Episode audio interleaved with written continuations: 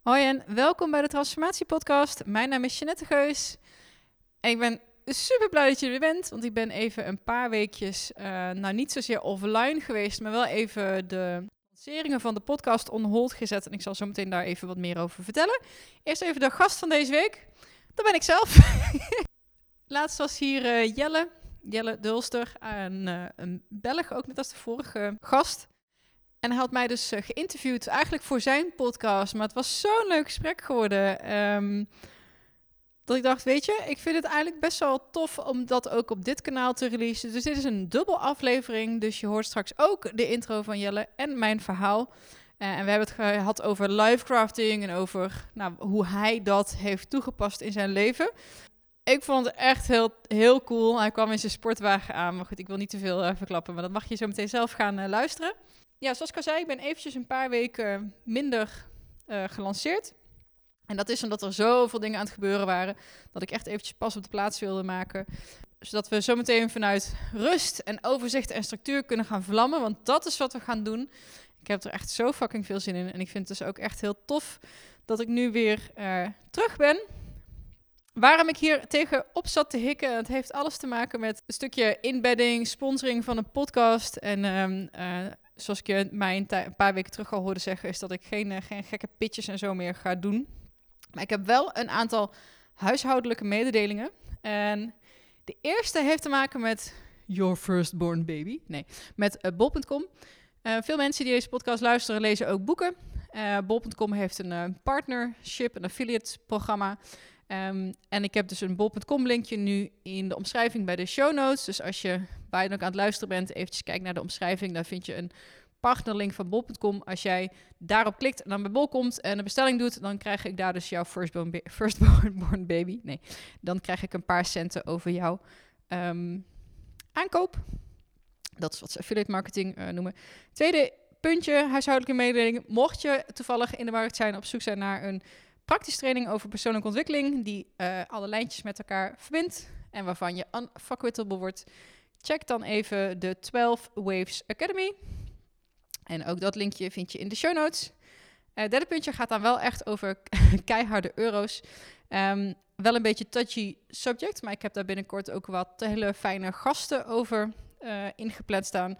Waarom ik het nu noem? Ik heb dus een campagne opgezet waarmee ik een upgrade in de productiewaarde van deze podcast ga financieren. Uh, en als in beter beeld, beter geluid, betere website, betere alles. En daar heb ik jou dus voor nodig. Maar niet alleen dat, dit is ook een manier om luisteraars een uh, outlet te geven om bij te kunnen dragen. Mensen beseffen zich dat misschien niet echt, maar de podcast is gratis. Is dat radio gratis is.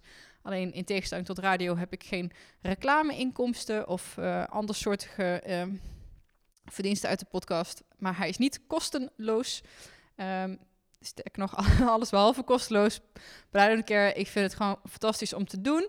Uh, maar ik wil wel luisteraars een kans geven om daar een bijdrage in te leveren. En dat vind je ook via het linkje in de show notes. En dan het allerlaatste stukje. En dat heeft helemaal niks met uh, geld te maken en alles met liefde. Of misschien zijn die twee toch wel een beetje hetzelfde. Dat mag jij beslissen. Uh, je kan namelijk een 5 sterren review voor me achterlaten in de iTunes rating of wat lieve woorden voor mij schrijven. En dat is niet voor mijn ego. I don't care.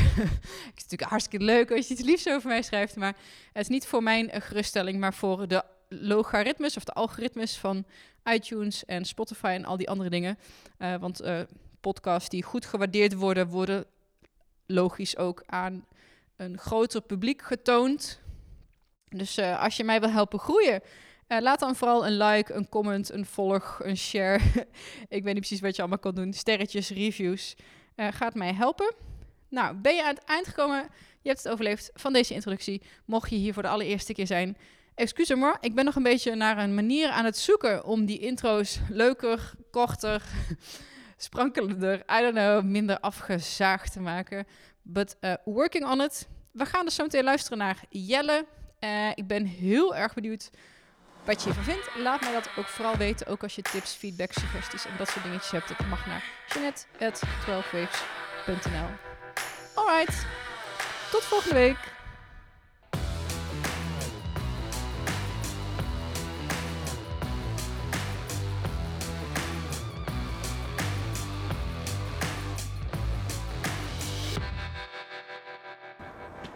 Welkom eh, op eh, een nieuwe aflevering van Nieuwe Tijden.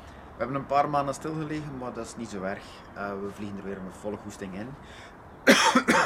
vorig jaar, wie het zich kan herinneren, vorig jaar heb ik Michel en Jeannette uitgenodigd bij mij thuis. Maar op het allerlaatste moment hebben ze moeten afhaken omdat Michel ziek was. Maar ik wilde echt eens gaan praten met Michel en met Jeannette.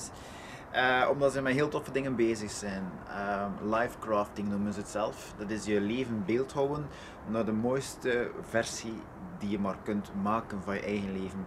En uh, Michel en Jeannette hebben er allebei al heel wat ervaring in, dus ik wil heel graag eens met hen een babbel doen. Ik ben vorig weekend naar Jeannette geweest, naar haar thuis geweest, helemaal in Borculo. Dat is uh, 3,5 uur rijden. We hebben een heel tof gesprek gehad. Het is geen echt interview, het is gewoon een gesprek geworden, anderhalf uur.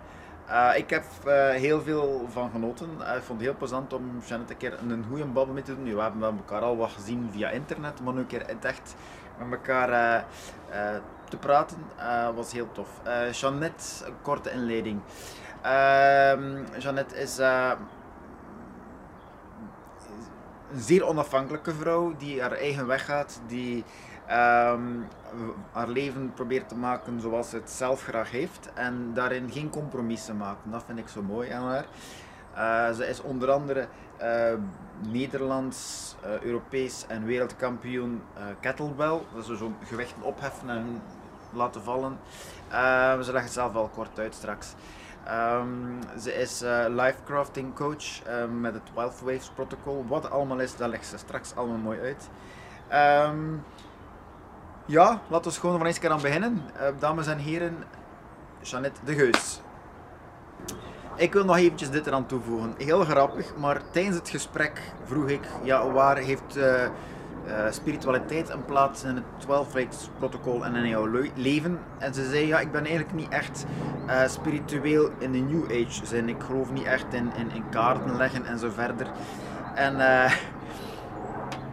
heel grappig, maar dan als de camera uit was, zegt ze: Ja, ik heb hier toevallig toch wel een doosje kaarten liggen.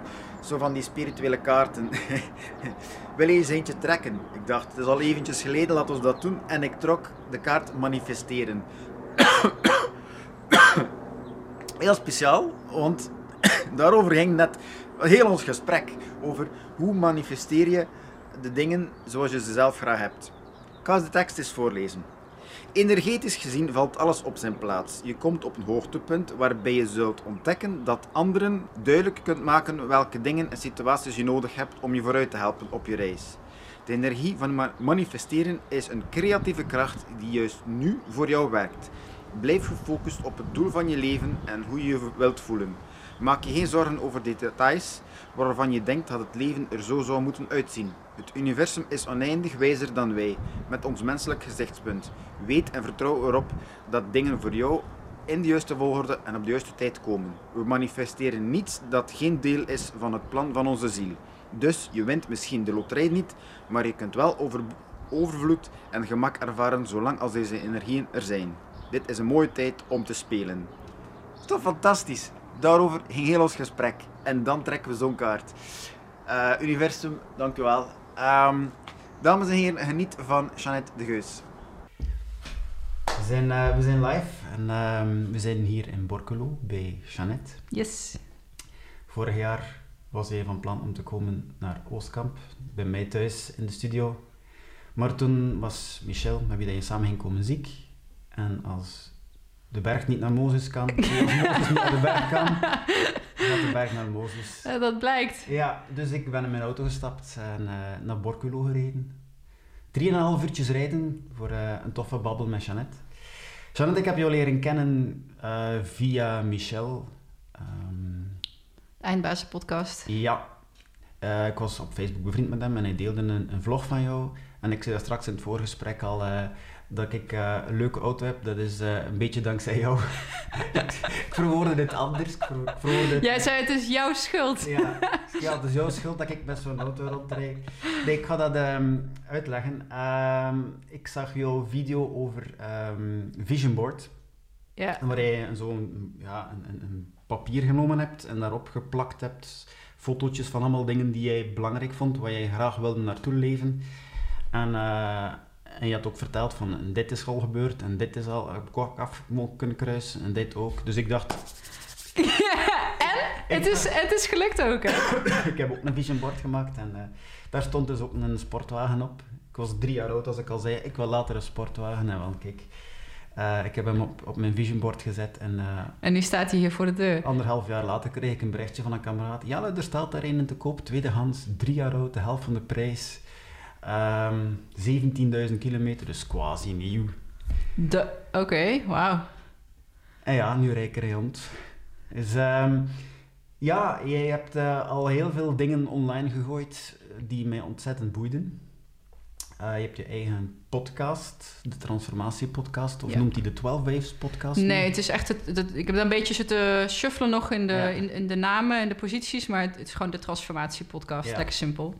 Ja. En eh, jij bent, werkt samen met Michel, eh, Michel, ben even zijn familienaam kwijt. Michel Vos. Vos, juist. Van de Eindbazen. Ja. Jullie zijn sinds twee jaar ook koppel. Ja.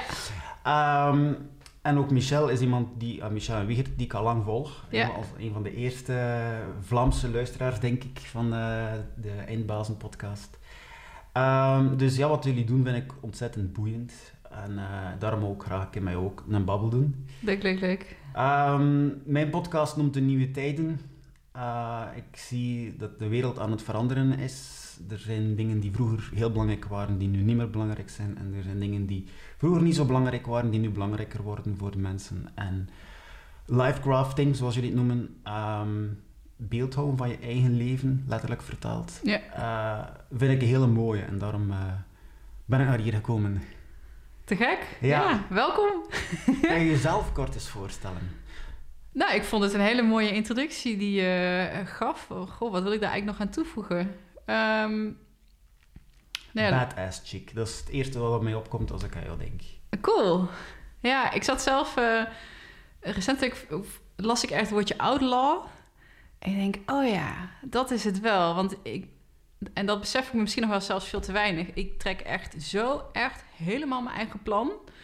Uh, business, relationeel, uh, in, in mijn eigen ontwikkeling... en hoe ik mijn leven inricht. Dat het wel een beetje voelt alsof ik een outlaw ben... En uh, jij bent nu hier in Borklo, dus dit is heel groen en landelijk en afgelegen. En een paar weken terug dacht ik, goh, wat zouden de buren eigenlijk wel niet denken? Van wat doet dat meisje hier met de tatoeages en die zit... Weet je wel, ik kan me voorstellen dat ja, het voor iemand die... Ja, ja, ja, ja, ik kan me voorstellen ja. dat het voor een... Het standaard... Uh, mens, uh, dat, dat het lijkt alsof, oh mijn hemel, wat is zij aan het doen? En dat vind ik eigenlijk wel, denk ik, ja, ik kan me wel voorstellen dat mensen dat zien. Dat mensen van mij ook. En ik heb wel een heel klassiek leven, denk ik. Ja, ja, ja. ja. Dus, uh, maar misschien uh, mijn achtergrond, ik ben uh, psychologisch wetenschapper. Of opgeleid tot psychologisch wetenschapper, gedragswetenschapper. Niet, niet actief, maar wel de wetenschappelijke opleiding. En ik heb vijf jaar lesgegeven in het HBO en op de universiteit. Voordat ik dit, dit allemaal ging doen. En je bent ook Europees kampioen of zelfs wereldkampioen? Ja, Nederlands, Europees en wereldkampioen kettlebell sport. Voor de mensen die dat niet kennen, want er zijn heel veel mensen Waarschijnlijk. die dat niet kennen. uh, nou, je zag ze staan toen. Ik weet niet of je ze hebt ja. gezien. Mijn hele collectie staat hier in de woonkamer. Een kettlebell is een uh, metalen bal met een handvat. Dat kennen de meeste mensen uit de sportschool wel. Um, en die kan je dus verschillende bewegingen mee maken. En dus wat de sport is, is dat je een snatch maakt. Dus je haalt hem van de grond tot boven je hoofd. Net als met het Olympisch gewichtheffen. Dat kennen de meeste mensen wel. Zo'n stang. Uh, en die moet dan zo zwaar mogelijk naar boven het hoofd. Nou, dat doen wij ook, maar dan met een kettlebell. Uh, maar die kettlebell kan je natuurlijk niet steeds zwaarder maken. Dus die kettlebell heeft een vast gewicht. En ik krijg gewoon, of een, een atleet krijgt 10 minuten... om gewoon zoveel mogelijk kwalitatief goede herhalingen te maken... Dus opheffen en terug laten vallen. Weer Precies. opheffen en weer ja. laten vallen. Ja, basically is dat waar het op neerkomt. en dat heb ik uh, oh, goh, uh, vier, vijf jaar gedaan. Vijf, denk ik, zes. Vijf. En nu wel mee gestopt. Mijn lijf uh, was er wel een beetje klaar mee. En ik dacht, ja, goh... Heb wat Nederlandse records op mijn naam. Het Nederlands kampioenschap, viervoudig Europees. Uh, en een wereldkampioenschap in mijn categorie. Want hè, dus je lichaamsgewicht telt mee, je leeftijd telt mee. Je, mm -hmm. je zit ook in een, bepaald, een bepaalde categorie. Ik dacht, oké, okay, nou, spelletje uitgespeeld. Ja. On to the next. Ja. ja. Maar je bent daarvoor ook naar Japan moeten gaan zelfs, denk ik. Uh, Japan of? Uh, Korea. Korea, ja. ja. Seoul ben ik geweest. Ja. Toen was ik tweede geworden. Dat was ook een wereldkampioenschap. Toen dacht ik gewoon, nu moet ik nog een keertje terug, nog een jaar doortrainen. Kijken of het voor een keer beter gaat. Ja. Dus eigenlijk, allee, als ik jouw jouw parcours bekijk, ik volg jou op, op via social media, eh lifecrafting. Je bouw je eigen leven. Wees de held in je eigen leven. Dat is wat jij eigenlijk Ja. op alle vlakken doet. Ja, al- probeer ik, ja. Ja, sowieso is het leven is altijd eh, een proberen en, Ja, en ja, vallen en terug opstaan. En, ehm, je hebt daarvoor ook heel wat mensen eh, podcasts opgenomen. Je nog altijd? Elke week? Ehm, in principe elke week. Soms zit er wat langer tussen, maar het, het, het, het doel is één keer in de week. En waar ik nu naartoe aan het werken ben, is twee keer in de week. Omdat ik echt heb gekozen voor focus op het stukje... Nou, niet zozeer om, om content te maken, maar daar hadden wij het in het voorgesprek over. Eh, ik vind mooie gesprekken met mensen e- echt heel tof. Ik leer daar ontzettend veel Mhm. van. Ik, vind, ik wil gewoon...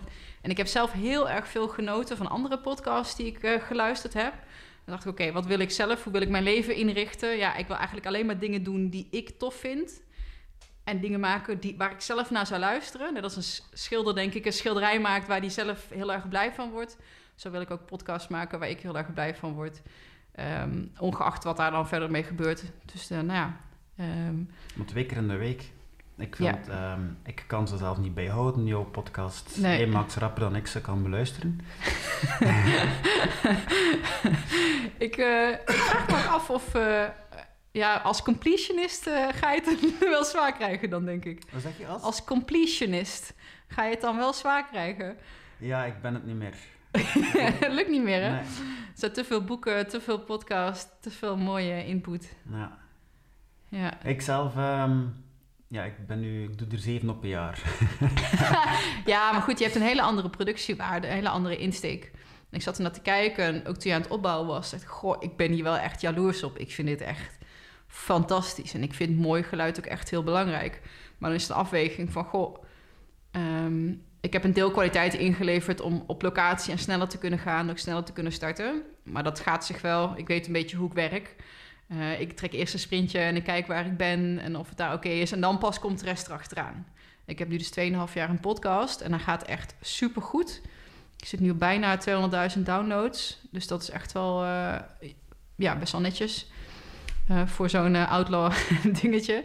En ik ben nu, eh, vorige week pas heb ik met een meid zitten praten over branding bijvoorbeeld. Eh, en over strategie en eh, wat wil je eigenlijk. Dus ik moet het eerst doen en eerst mezelf of eerst laten zien van, oh ja, dit vind ik echt vet. En dan ga ik daarna pas strategisch nadenken. Het is eigenlijk een beetje andersom als dat ik veel mensen nu zie opereren. Ehm, Goh, Maar goed, ja. De meeste... ik ben nog een klein beetje, beetje ziek. Dus al beter. Ehm, de meeste mensen die ik ken die podcasten, die doen podcasten omdat ze het leuk vinden. En, en, en die denken zelfs niet over branding na. Nee. Ja, nu wel. En dat is omdat... Ja, nu dat het... Nou, Dat er- er luisteren, kranten- ja, er luisteren zoveel mensen. En dan denk ik... ehm, ik zat gewoon zelf naar mijn eigen eh, profiel te kijken. En toen dacht ik... Ach, gadverdamme, dit is echt helemaal niet... eh, dit geeft niet weer hoe ik het van binnen ervaar. Dacht ik, ja, ik kan dit dus niet zo heel goed. En het was voor mij... Denk, waar we tot nu toe zijn gekomen met 12 Waves... maar ook met de podcast... is ik ben tot hier gekomen basically door bij andere mensen af te kijken, die ik bewonder. En te kopiëren. Kijken, oh, wat doen zij? En daar een template in herkennen. En denk ik, ah, oké, ik ga dat ook zelf toepassen. En dat heeft me dus heel ver gebracht. En ik sta nu op het punt van, oké, en nu is het tijd om de experts in te vliegen... waar ik eerst van kopieerde. En die Mhm. mogen dus nu hun magic op, op mij... eh, En hoe zit dat dan concreet? eh, nou, wat zij bijvoorbeeld gaat doen, ehm, ik krijg een nieuw plaatje bij de podcast, dus een nieuwe cover image, een albumhoes, zeg maar. Mhm. Ehm, en zij gaan eh, kijken naar de website en eh nou, ze hadden heel veel leuke vragen over wat, eh, wat, waarom podcast je, wat wil je ermee bereiken. En wat, zij, wat ik hun wil laten doen is ehm, mijn visie of mijn missie, wat ik ervaar, de juiste, het juiste uiterlijk, het juiste schilletje, de juiste manier van communiceren ehm, bijmaken. Want dat kan ik zelf niet zo heel goed. Ik kan me wel heel erg goed op de inhoud. Maar als het gaat van, goh, hoe wordt dat van buiten gezien en weerspiegelt dat echt ook wat ik ermee uit wil stralen. Ehm, daar, heb ik, nu- daar ga ik nu, gaan ze nu naar kijken. die matchen niet volgens jou? Nee, nee. Als ik nu kijk naar het plaatje van de podcast, denk ik, ah nee, dat is helemaal niet eh, waar ik blij van word. Dat is helemaal niet hoe, hoe ik het zie, voel, ervaar. Ja, zou kunnen. Ik, ik, dacht net dat jullie dat wel heel goed deden. Ja, nou, inhoudelijk denk ik wel. En ik, dat is wat ik zeg, ik ben he- heel ver gekomen. En het is goed wat ik doe. Alleen ik denk dat op een gegeven moment moet je zeggen... oké, dit is niet mijn expertise, niet mijn zone of genius... om het dan zo maar Mhm. even te noemen. Maar ik wil hier wel een verbeterslag op maken. Ik kan daar nu zelf een maand of twee insteken... zelf een cursus volgen, bij nog meer mensen afkijken. Het helemaal, net zoals dat ik alles helemaal zelf heb gedaan... nog een keer weer alles helemaal zelf... Dan denk ik, oké, nee, nu is het tijd om te zeggen... oké, jij bent daar expert in, doe jij het maar. Professionaliseren. Exact. Ja. Ja, dat punt ben ik nog niet. nou ja, Eh, dat is niet... eh, Ja. Eh, materiaal kopen is niet zo moeilijk. Hè. Eh, ik ben zelf wel eh, ben zelf muzikant. Ik hou van klank. Eh, ik, ik investeer ook veel tijd om dat allemaal goed te krijgen en ook materiaal. Dus daarin wel. ja, Eh, maar beeld, ja, ik heb nu een nieuwe camera gekocht. Eh, maar voor de rest eh, is het ook... Ik vind het gewoon leuk om daar... Ik, ik denk, als ik de tijd reken en tel de uren dat ik aan voorbereiding gedaan heb technisch, is op dit moment een, een veelvoud van de gesprekken zelf. misschien moet ik jou gewoon vragen... om de techniek van mijn podcast eens eh, onder de loep te nemen. Aangezien je net een hele studie hebt gedaan... Ja, wat het beste is. ja ik vind dat gewoon heel plezant. Ja. Ja. Nou, bij En- deze. En eh, ja, ja, moesten we op een half uurtje aan elkaar wonen, ik zou zeggen met veel plezier, maar ja, het is... Eh, het is- drie en een half is anders, hè? Drie, Ja. à- drie à vier uur rijden, dat is niet even weg en weer gaan. Hè. Ehm, maar ik vind het gewoon leuk om allemaal zelf te doen. Is het ook. Maar dat is wat ik zeg. Van, ik vind het ook leuk om mijn eigen copywriting en mijn eigen marketing en mijn eigen branding. Ik heb mijn eigen website gemaakt. Dus je, je maakt al, mijn eigen logo, alles helemaal zelf. Is ook heel erg leuk. Want ik merk nu, eh, ik kan mijn tijd maar één keer uitgeven. En het is zo druk en er gebeurt zoveel. Wat allemaal prachtig, geweldig, luxe probleem is. Dat ik echt heel zorgvuldig ga afwegen. Ga ik hier nu drie dagen instoppen of ga ik drie dagen iets anders doen? Of ga ik drie dagen niks doen? Ja, dat laatste is waar ik nu een beetje naar neig. Mezelf iets meer af Ja. te sluiten en iets meer rust te gunnen. Juist omdat er zoveel aan het gebeuren is. en daar komt, vind ik, 12 Waves, jullie traject al heel erg eh, in de picture. Ja, Het, het 12 Wave protocol, dat is iets dat eh, Michel heeft samengesteld. Ik vond het eh, een van de beste podcasts ever, nummer 42. Eh, dus de mensen die eindbazen niet kennen en eindbazen willen leren kennen, podcast 42 is in met Michel en Wigert alleen. Ja. Ehm, waarom, way- waarom is dat? Want dat vind ik wel eventjes leuk als dan vice-president van 12 Ways. Wat, wat sprak jou erin aan? Wat, wat en wat heeft het voor jou gedaan? Want jij eh, volgt ons al heel lang. Jij bent ook aan de slag gegaan echt met het protocol. Je hebt... Nou ja, kijk naar je auto. Je Ja. hebt echt daadwerkelijk daar... ehm, eh, nou, dat, dat voor jezelf gecreëerd. Ehm, voor mij is eh, het, het 12 Ways protocol een, een samenvatting van heel veel ideeën overal ehm, door allemaal slimme koppen die Michel en jij samen gebracht hebben in een soort traject Ja. die een houvast is om bepaalde dingen te bereiken. Ehm, niet zozeer eh, om, om, eh, met als doel om dingen te bereiken, maar wel om een soort mooiste leven te creëren. En, en dat is ook mijn persoonlijke vlog, heet ook zo, eh, creëer mijn, eh, leef mijn dromen, wacht, hoe was het weer? Jelle leeft zijn dromen, creëert zijn mooiste leven. Ja. Ehm, daarover gaat het voor mij, om gelukkig zijn. Ja. En, en een deel van gelukkig zijn is eh, een doel hebben en weten wat je graag wil. ehm, dat dan ook in, in, doel gieten en dat doel ook be- behalen. Eh, waarbij dat het doel op zich niet het belangrijkste is, maar het onderweg zijn naar dat doel. Eh, Ja. En dat vind ik heel mooi, dat jullie in 12 Waves dat in een traject gieten. Um, heel concrete stapjes, heel concrete Ja. Ehm, tips. En die podcast 42, ehm, overloopt Michel eigenlijk al die stapjes in het kort. Dus u kunt ofwel jullie traject volgen, ofwel gewoon die podcast eh, een paar keer goed beluisteren en, Ja. en, en er zelf mee aan de slag gaan. Zelfs nog meer, want ehm, we hebben één soort van core mast. Want dat hele eh, traject, dat zijn, eh, als je dat real life bij ons zou volgen in een training, zijn dat zes keer een dagdeel, dus zes keer vier uur. Ehm, ja, voor al die eh, stapjes. Misschien wel leuk om even. eh, de eerste zijn bepaal je richting, je, Ja. je doel. En daar denk ik valt misschien wel 80% van, nou dat is overdreven, maar heel veel eh, te halen. Want van, oh, ik heb misschien een idee wat ik wil, naar het echt zo concreet Ja. als in een vision board gieten, om maar even een voorbeeld te geven, of bepaalde doelstellingen. Dus het is bepaal je richting. Hoe geef je, je, je houd je focus? Hoe geef je je tijd en je energie uit? En ook hoe ga je om met time drain, stress, overwhelm, dat soort dingen. En dan heb je dat gedaan, dan zou een derde stap, derde pijler in het systeem heeft meer te maken met reflectietijd, structuur, rust, balans. Het is niet alleen maar gaan, gaan, gaan, gaan, gaan. Ehm, en dan denk je, oké, ik heb dit nu, richting, mijn, tijd en mijn, reflectie. Ehm, en dan kom je tegen iets wat weerstand heet, want ik weet het allemaal wel, maar ik doe het, doe het niet. Eh, zo zit het met je overtuiging. Dus dat is dan de volgende pijler. En dan eh, die daarna heeft meer te maken met je omgeving. Mentorship, su- support. Eh, je, je doet het niet alleen, nooit. En dan tot slot is het je energie. Want je kan prachtige plannen hebben en jezelf helemaal ehm, op de rit hebben staan. Maar als jij nul energie hebt, mentaal, lichamelijk, is het ook voor niks. Nou, niet voor niks, maar goed, dan is dat wel een punt van aandacht. Dus dat zijn de zes pijlers in de methodiek. En het is precies wat je zegt. Het is een soort kapstok waar heel veel in zit, waar, wat de meeste mensen wel zullen herkennen, want iedereen kent wel Getting Things Done, GTD, dat is zo'n huishoudnaam inmiddels. En heel veel mensen hebben dat boek in de kast staan, of de 4-hour workweek, of eh, wat het dan ook maar is. Eh, of die hebben een keer een eh, masterclass roadmapping ergens voorbij zien komen, maar die denk ik, oké, het blijven nog steeds leuke ideeën, leuke boeken, maar hoe doe ik dat dan Mhm. zelf in mijn leven? En dat vond ik zo vet hoe Michel dat heeft gedaan, want ik ken hem ook via zijn training. Dat is echt hilarisch. Eh, en toen dacht ik, oh, oh ja, ik herken dit allemaal. Plus nog wat extra's. Maar jij laat me echt zitten, schrijven en dingen toepassen in de oefeningen en in de vragen die hij stelde. En dan was ik als, als denker, was daar ontzettend van gecharmeerd.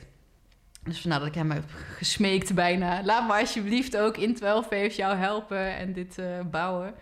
Eh, en dat duurde even, maar ik ben er. Ja. Dus dat is wat ze doen. Dus dacht ik nog, ik moet niet nu eerst dit zijspoor, anders weet ik niet meer wat ik eh, daarvoor wilde zeggen. Nou, ik kom er vast zo wel weer op. Dus dat is wat, ehm, in ieder geval in een notendop wat, wat 12 heeft is. En, oh ja, dat wilde ik zeggen. Ehm, dus die podcast 42, die is gratis. En we hebben ook eh, al die zes stappen, of in ieder geval de highlights, de belangrijkste kernelementen uit die zes pijlers, hebben wij in één masterclass gestopt, 12 Years Core. En die kunnen mensen ook gratis bekijken. Ah. Ja, ehm, het klinkt heel stom, maar wij zijn heel, heel, heel veel gratis aan het weggeven eh, op het moment. Omdat ik daar ook echt in geloof. Want alles is er al. Al die boeken zijn er al. Al die theorieën zijn er al. Het is geen geheim of zo. Of zo van, oh, en kom bij ons. Want wij hebben dat ene puzzelstukje wat al die anderen missen. Dat is echt bullshit. Ehm, we laten het alleen zien hoe wij het doen en hoe je dat makkelijk in de praktijk toe kan passen. Dus dat is gewoon open source. Iedereen kan daar gewoon eh, in en naar kijken en daar zelf iets mee, eh, mee gaan doen. Maar op een bepaald moment moet er toch ook een boterham verdiend worden. Klopt. Dus Ehm. waar, waar kunnen, je, kunnen jullie dan eh, hun euro's aan jullie kwijt? Nou, Michel, zijn boek komt uit. Ik weet nog niet precies wanneer. Ik denk, we dachten eerst april, maar ik denk dat dat te vroeg is. Maar ergens halverwege dit jaar. En wij geven real-life trainingen, gewoon eh, trainingen, dus die zes dagdelen. eh, met Michel zelf en de trainers die we nu aan het opleiden zijn. En dat doen we zowel op basis van open inschrijving. Een hele mooie locatie in eh, Gelderland. Ehm, en dat doen we bij bedrijven. Dus we geven trainingen bij bedrijven. En we doen het ook op scholen. En daar zit het verdienmodel. Eh en voor de rest is die kennis gewoon vrij beschikbaar. Alleen als je met ons wil rollen, of als je met ons aan de slag wil, met ons wil trainen, dat kan. En daar betaal je wel voor. Maar dat zijn ook gewoon marktconforme, normale trainingsprijzen. ja, er is ook een online training. Ja, ook dat. Ja. ja. Eh, oh ja, eh, ik zal jou straks het linkje geven waar die, die gratis masterclass. Ja. Ehm, dat is misschien leuk om in de show notes ook eh, te zetten voor jou. Mhm. Dus dat is wat we doen. Ja. En wat jij deed. Ja, het eerste puntje is ehm, weten wat je graag zelf naartoe wil. En eh, wat mij opvalt, als je gewoon mensen in de straat vraagt van wat maakt jou gelukkig, waar droom je van, de meeste mensen niet veel verder komen dan ja, mijn huis afbetaald, mijn auto en, en mijn kindjes gelukkig. Ehm, ik had daar een jaar of twee geleden ook met mijn moeder een, een, gesprek over. Ja, zei ze, ik weet eigenlijk niet wat ik echt wil. Ja, dat is ook heel ons leven gezegd van ja, je moet doen wat de maatschappij van jou verlangt. Eh, of wat de kerk van jou verlangt, of wat, wat... Maar zelf weten wat dat je zelf graag wil, eh, weten heel veel mensen niet. Welke tips kun je geven aan mensen om, eh, om te ontdekken wat ze graag willen? Als iemand dat echt helemaal niet weet. Ik denk dat mensen dat echt wel weten, maar dat er gewoon nooit tijd is om daarover na te denken.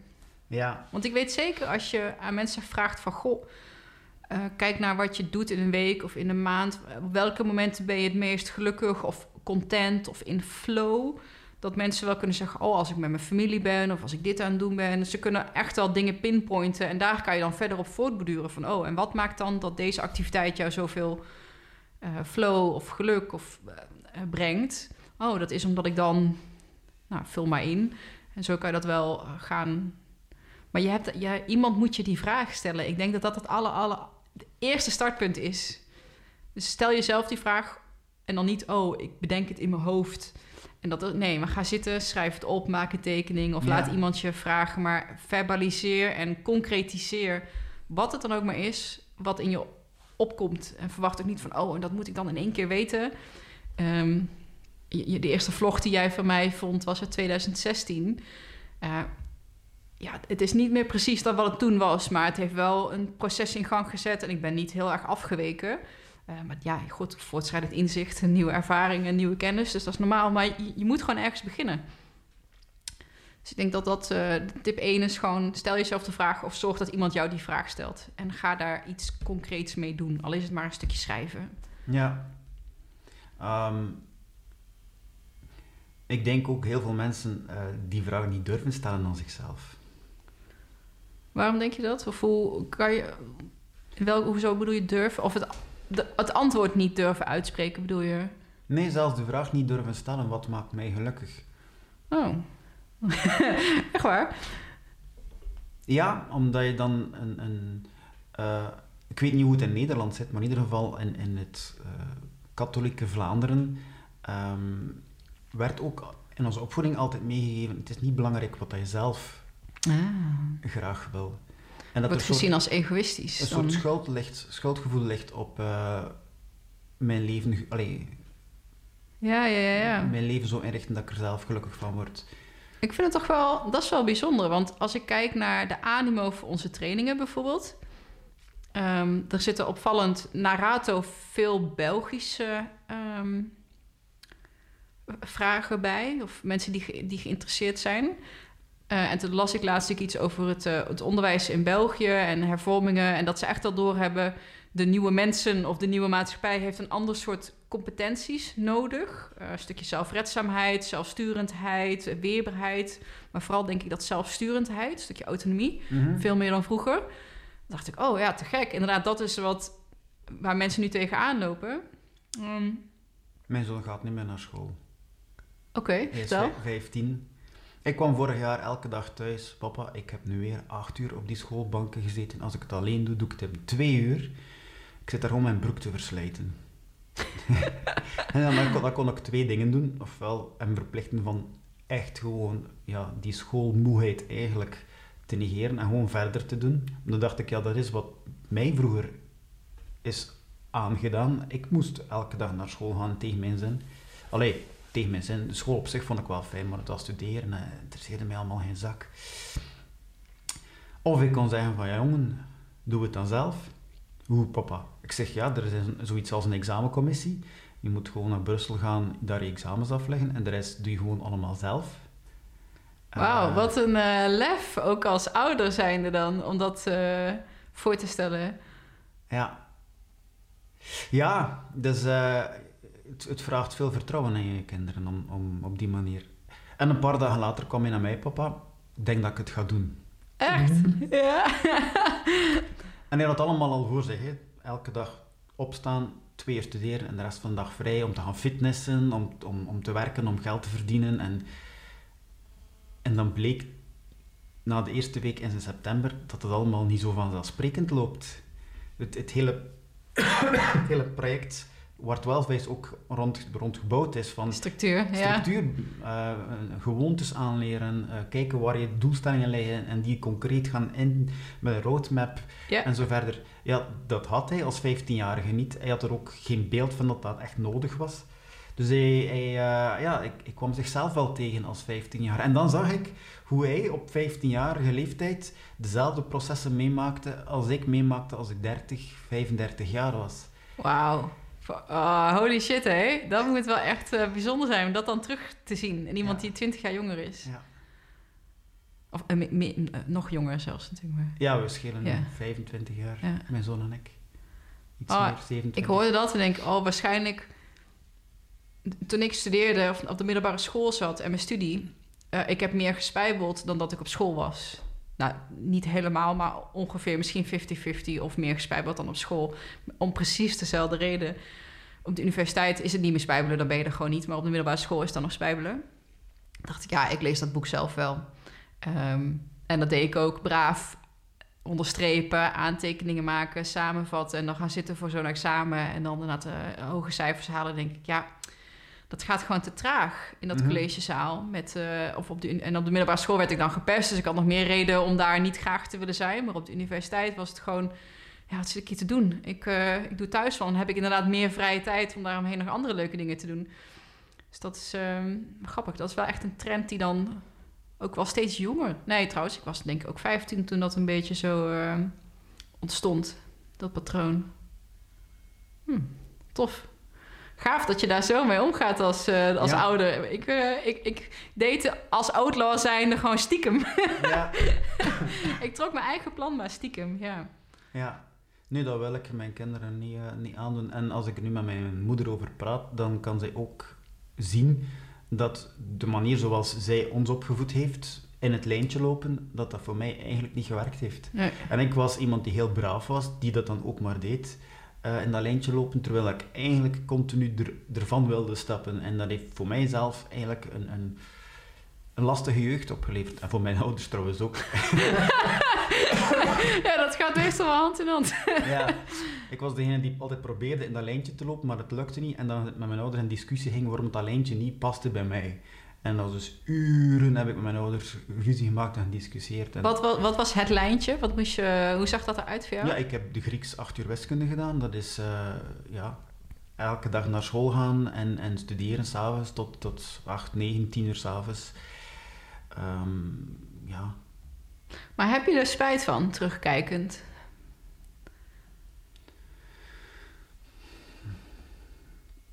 Ja, erg. Ja, ik, ik weet het niet. Um, in die zin heb, wil ik het mijn kinderen de kans geven om het anders te doen, ja. Ik vind ik, dat wel zo'n ingewikkeld thema, want... Ik was niet gelukkig, ik zal het zo zeggen. Ik ook niet, maar als ik nu terugkijk...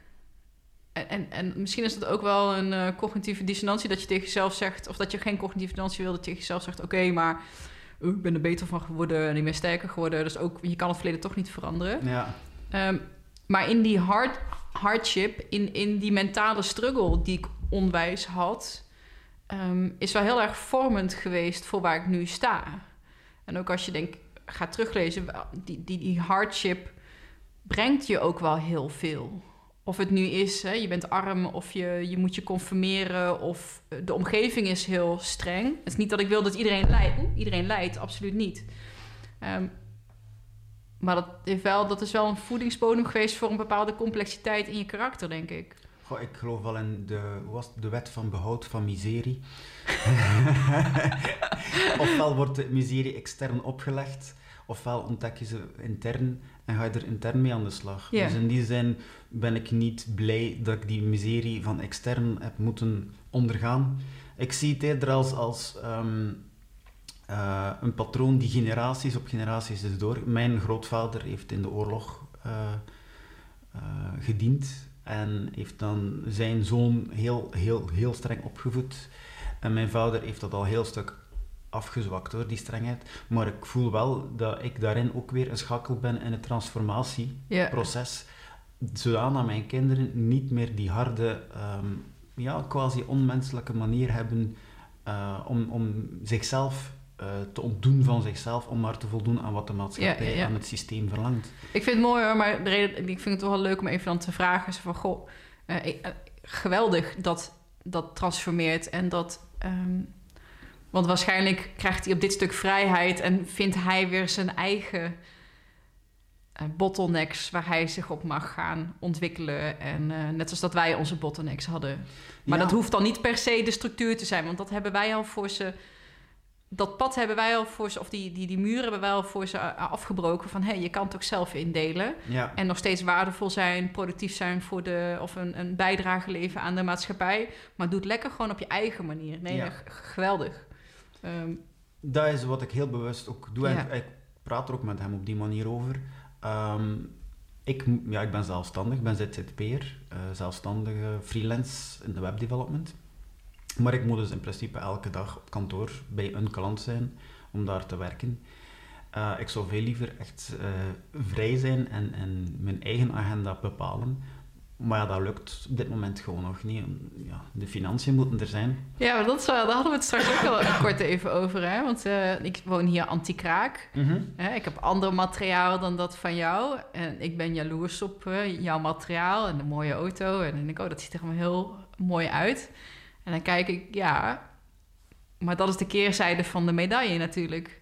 Ja, uh, ik zou een heel stuk goedkoper kunnen leven ja. en een heel stuk minder moeten werken. Maar ik merk dat ik dat voor mezelf wel nodig heb, zo die, die, dat basiscomfort. Allee, ja, zover dat je die auto basiscomfort Volgens mij is dat het tegenovergestelde van basis. Um, het is een Jaguar, voor degenen die, uh, ja. die je auto niet kennen. Ja, 380 uh, paarden onder mijn kont. Ja. Um, nee, ja, ik geniet er enorm van. van en ik, ik heb uh, dik tien jaar geleden was ik op het randje van het faillissement ik heb echt wel met mijn plastic bakje naar de voedselbanken geweest, ja. om, uh, omdat ik geen geld had om eten te kopen. Uh, geld bij mijn ouders geleend, bij mijn schoonvader geleend om rond te komen. Hard gewerkt. En nu zo van, oké, okay, en nu zit ik er warmpjes in en nu wil ik dat ook niet meer moeten afgeven. Ja, ja. Ik wil eventueel wel nog een tiny house gaan, zodat ik uh, daarin wel een stuk in, in ruimte inboet, maar niet qua comfort. Nee. Nu, waar ik wel op terug, terugkomen is, um, om dat basiscomfort te hebben voor mezelf, moet ik wel nog altijd aan bepaalde verlangens van, van anderen voldoen. Omdat ik nog geen systeem gevonden heb waar ik volledig financieel voor mezelf kan instaan zonder dat ik moet voor klanten projecten doen. Uh, ik zou graag mijn eigen apps kunnen bouwen, ik ben webdeveloper. En ja, een app bouwen voor een verzekeringsmakelaar of voor de overheid ik vind er niet zo mijn, mijn plezier meer in. We zijn nu een 12 app aan het uh, uh, ontwikkelen. Echt nog helemaal in de kinderschoenen. Dus dan moet je misschien na de uitzending nog maar even met, uh, met Michel gaan, gaan bellen. Ja. of met Aaron. Ja. Ja, leuk. Ja, dus zo'n projecten waar ik echt zelf mijn ziel in kan steken. Um, ik heb nu een web-app gebouwd voor, voor mannenwerk, hardofman.net. Een, een netwerk van mannen, mannengroepen. Ondertussen staan er al 113 mannengroepen op geregistreerd. Niet alle mannengroepen zijn al actief, maar er zijn dan mannen die zeggen... Ik wil een Is dat alleen in België of ook Nederland? Uh, vooral Vlaanderen en Nederland. Ja. Ik denk uh, op dit moment drie kwart Nederland en een kwart Vlaanderen. Oh, maar dat is wel tof. Ik heb wel mensen ook in die, die dat soort groepen hebben. Oh, zet dat, link, dat linkje wil ik wel ja, van heart, je leuk. Heartofman.net Heart of Man, oké. Okay. En uh, registratie is gratis. Eigenlijk is de volledige app gratis. Um, op dit moment verdien ik er 0 euro aan. Tegendeel, het kost mij nog geld. Um, maar ooit met dergelijke apps mijn, mijn boterham kunnen verdienen, Ja. lijkt mij heerlijk. Veel leuker dan te moeten gaan werken uh, voor ja, verzekeringsmakelaar. En dat is nu echt precies het punt waar ik nu sta. Um, dus dat ik kan doen waar ik blij van word. En voor mij is dat dan die, um, die podcast maken. Dus dingen maken waar ik zelf heel erg van zou genieten. Eh, en het feit dat ik nu de 12 F's Academy de afgelopen jaren heb gebouwd... en dat ik de training van Michel ehm, als soort van optie heb voor luisteraars die zeggen... goh, ik vind persoonlijke ontwikkeling... Kijk, eh, ik wil vooral dingen blijven maken die ik mooi vind. Maar dat, er zijn ook mensen die zeggen... goh, ik wil dan toch iets meer houvast... of kan je me helpen of wil je me coachen? Ik heb een tijd ook één op één coaching gedaan... en nu staat de Academy staat achter ons. En dat is ook echt gewoon een mooi, groot, solide, eh, bewezen propositie... waar ik heel erg trots op ben zodat ik me kan focussen op het maken van die content. En als mensen zeggen van... goh, ik wil hè, een stukje dieper of ik wil wat houvast... Uh, de uitnodiging staat voor de Academy. Maar mijn hart is niet als ondernemer zijn. Ik ben natuurlijk ook ondernemer. Um, maar om me daar op te focussen. Ik wil me focussen op een mooie bijdrage leveren in, Mhm. in dit soort gesprekken. Ja. Ja. Dus, maar zonder Academy achter me zou het ook alleen maar iets zijn wat me geld kost. Maar dat, het is een beetje kip-ei. Ehm, want ik kan hier pas, ja, je hebt ze beide nodig. Je hebt je propositie nodig en je, je, je, je, je message, zeg maar, je, je, je, je creatie. Ehm, en dat duurt even voordat dat er is. Ja, maar om dan terug te komen op het verhaal van mijn zoon. Ik, Oh ja, eh, sorry. eh, ja, geen probleem. Maar ik wil aan mijn, mijn kinderen wel meegeven, als je ervoor kiest, kan je wel volledig zelf je agenda bepalen. En, eh, Zeker, dat, dat, dat en, ja. en nu heeft hij de luxe, ja, hij is, heeft nog nul verantwoordelijkheid. Ehm, hij kan bij mij slapen en ik kan bij zijn mama slapen. Hij krijgt overal boterhammen. Eh, bijna alles wordt voor hem betaald. Dus nu kan hij aan de slag met zichzelf en zijn eigen systemen ontwikkelen.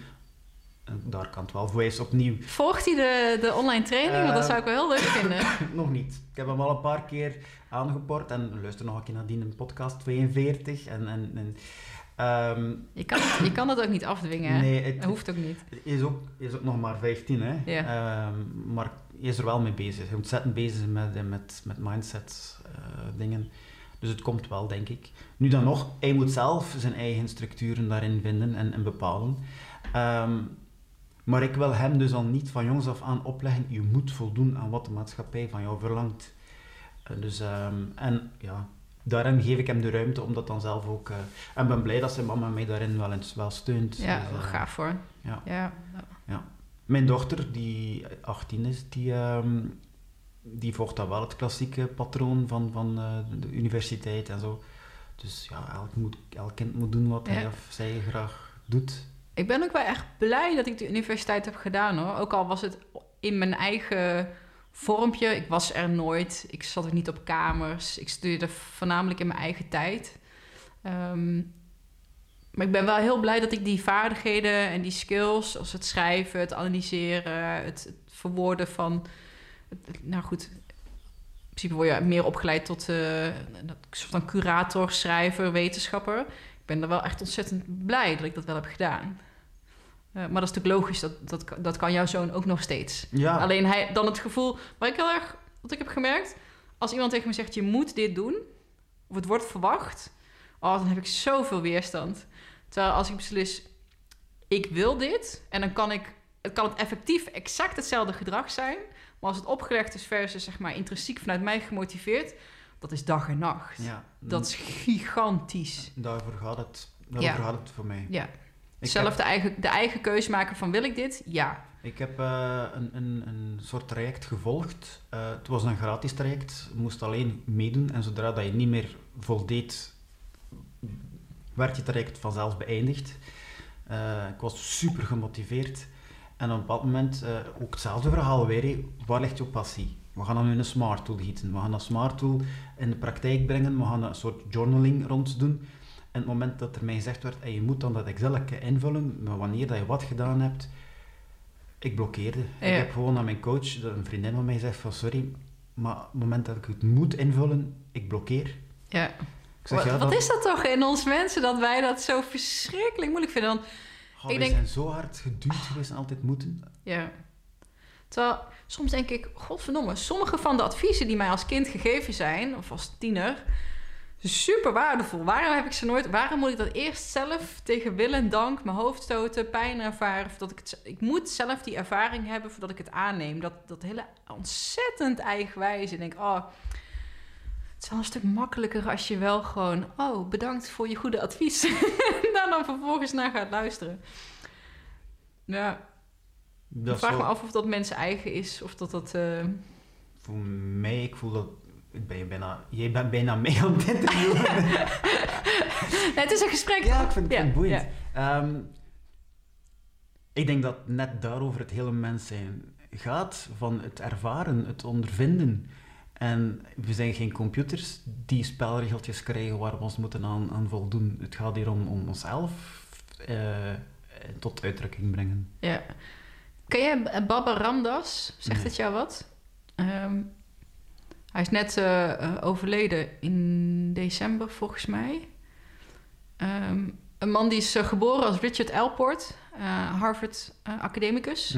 Zat samen met Timothy Leary ehm, aan de Harvard Universiteit. Timothy Leary is de, een van de grondleggers van de grote LSD-revolutie, of de, de Psychedelic Revolution. Ehm, dus hij komt uit die tijd. En hij is helemaal het goeroepad opgegaan. Dus jaren in India gewoond. En hij is bijzonder eh, fascinerend... omdat hij die keiharde wetenschappelijke westerse achtergrond heeft... maar zich ook helemaal in de oosterse mystiek... en de eh, spiritualiteit heeft gedompeld. En daar eh, ja, uiteindelijk zelf een soort van goeroe is geworden. Dat stond ook echt op mijn roadmap om hem... Eigenlijk wilde ik deze december naar zijn retraite in Hawaii. En nu is hij dus helaas overleden. Maar zijn boek is echt prachtig. Ehm, en wat hij zegt van het beste wat ik kan doen voor jou is aan mezelf werken. En het beste wat ik voor mezelf kan doen is ook aan mezelf werken. En het beste wat ik voor de wereld kan doen is ook aan mezelf werken. Want als ik moreel, als mijn moreel kompas op orde is en ik als persoon de beste, meest nobele versie van mezelf ben, niet voor succes of gewin, maar gewoon als mens zijnde. Dan heb ik natuurlijk al hele mooie spirituele thema's als compassie en, en nou goed, ehm, eh, verlichting, verlicht, verlichting of eh, bepaalde eh, mindfulness staat bereiken. Als ik dat voor mezelf ben, ben ik ook een betere persoon in relatie tot jou en creëer ik daar dat rimpel-effect mee. En daar, dat vind ik zo prachtig mooi. En dat is denk ik, ja, dat is ook hoe ik het zie. Dus ehm, ja, erachter komen waar je passie ligt en waar ben ik goed in en hoe kan ik een betere persoon zijn voor mij. Ik vind dat alles behalve egoïstisch, want we hadden het straks even over religie. Hè? Dat is je van, oh, tegen, bijna het tegenovergestelde, terwijl ze wel hetzelfde proberen te bereiken. Namelijk mensen die een eh, goede mensen zijn en een mooie bijdrage aan de maatschappij kunnen leveren. Alleen de ene zegt, hier zijn de regels en wij zeggen hoe het moet. En de andere zegt, nou, ga maar op zelfontdekking, keer maar naar binnen. Ga maar luisteren, kijken naar jezelf. Eh, versus, eh, ja, ik denk dat dat de grote, de twee uitersten zijn. En ik voel me heel erg thuis in de kijk maar naar binnen en zorg maar dat jij als persoon ja, het meest ontwikkeld bent. Zodat je, nou goed, wat ik net zei. Ik denk dat het daar... Dat, daarin dat, zijn wij pioniers, van, denk ik. ja, misschien deze generatie. Ik denk dat ze daar pas ehm, hiervoor pas thema's waren die aangeraakt werden als de kinderen uit huis zijn. Als je met pensioen gaat. Als je uit die malle molen van continu verplichtingen eh, komt. Zodat je tijd hebt om na te denken. Ehm, en wij hebben gewoon de luxe dat je daar op je vijftiende... Wauw, geweldig. Dat je daar dan al mee aan de slag kan. En dat is volgens mij echt wel door de beschikbaarheid van die, die content. Door YouTube-filmpjes, door alle boeken, door, weet je wel, eh, door die vrijheid van informatie of die overvloed aan informatie. Dat het zo beschikbaar is. Ik zit even te denken waar ik dat nou gelezen had. Dat werd mooi uitgelegd. Ik denk in dat boek van Eckhart Tolle. Eh, het meest bekende eh, boek van hem. Hoe heet het ook weer?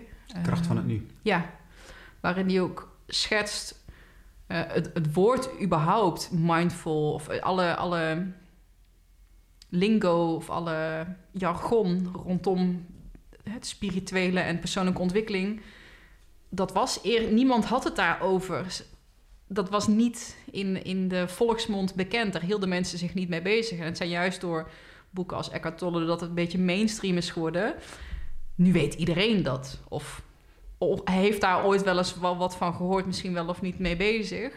En dat is volgens mij nu een zo'n grote stroomversnelling, dat je dus op je vijftiende daar dus al mee in aanraking komt. Geweldig. Mhm.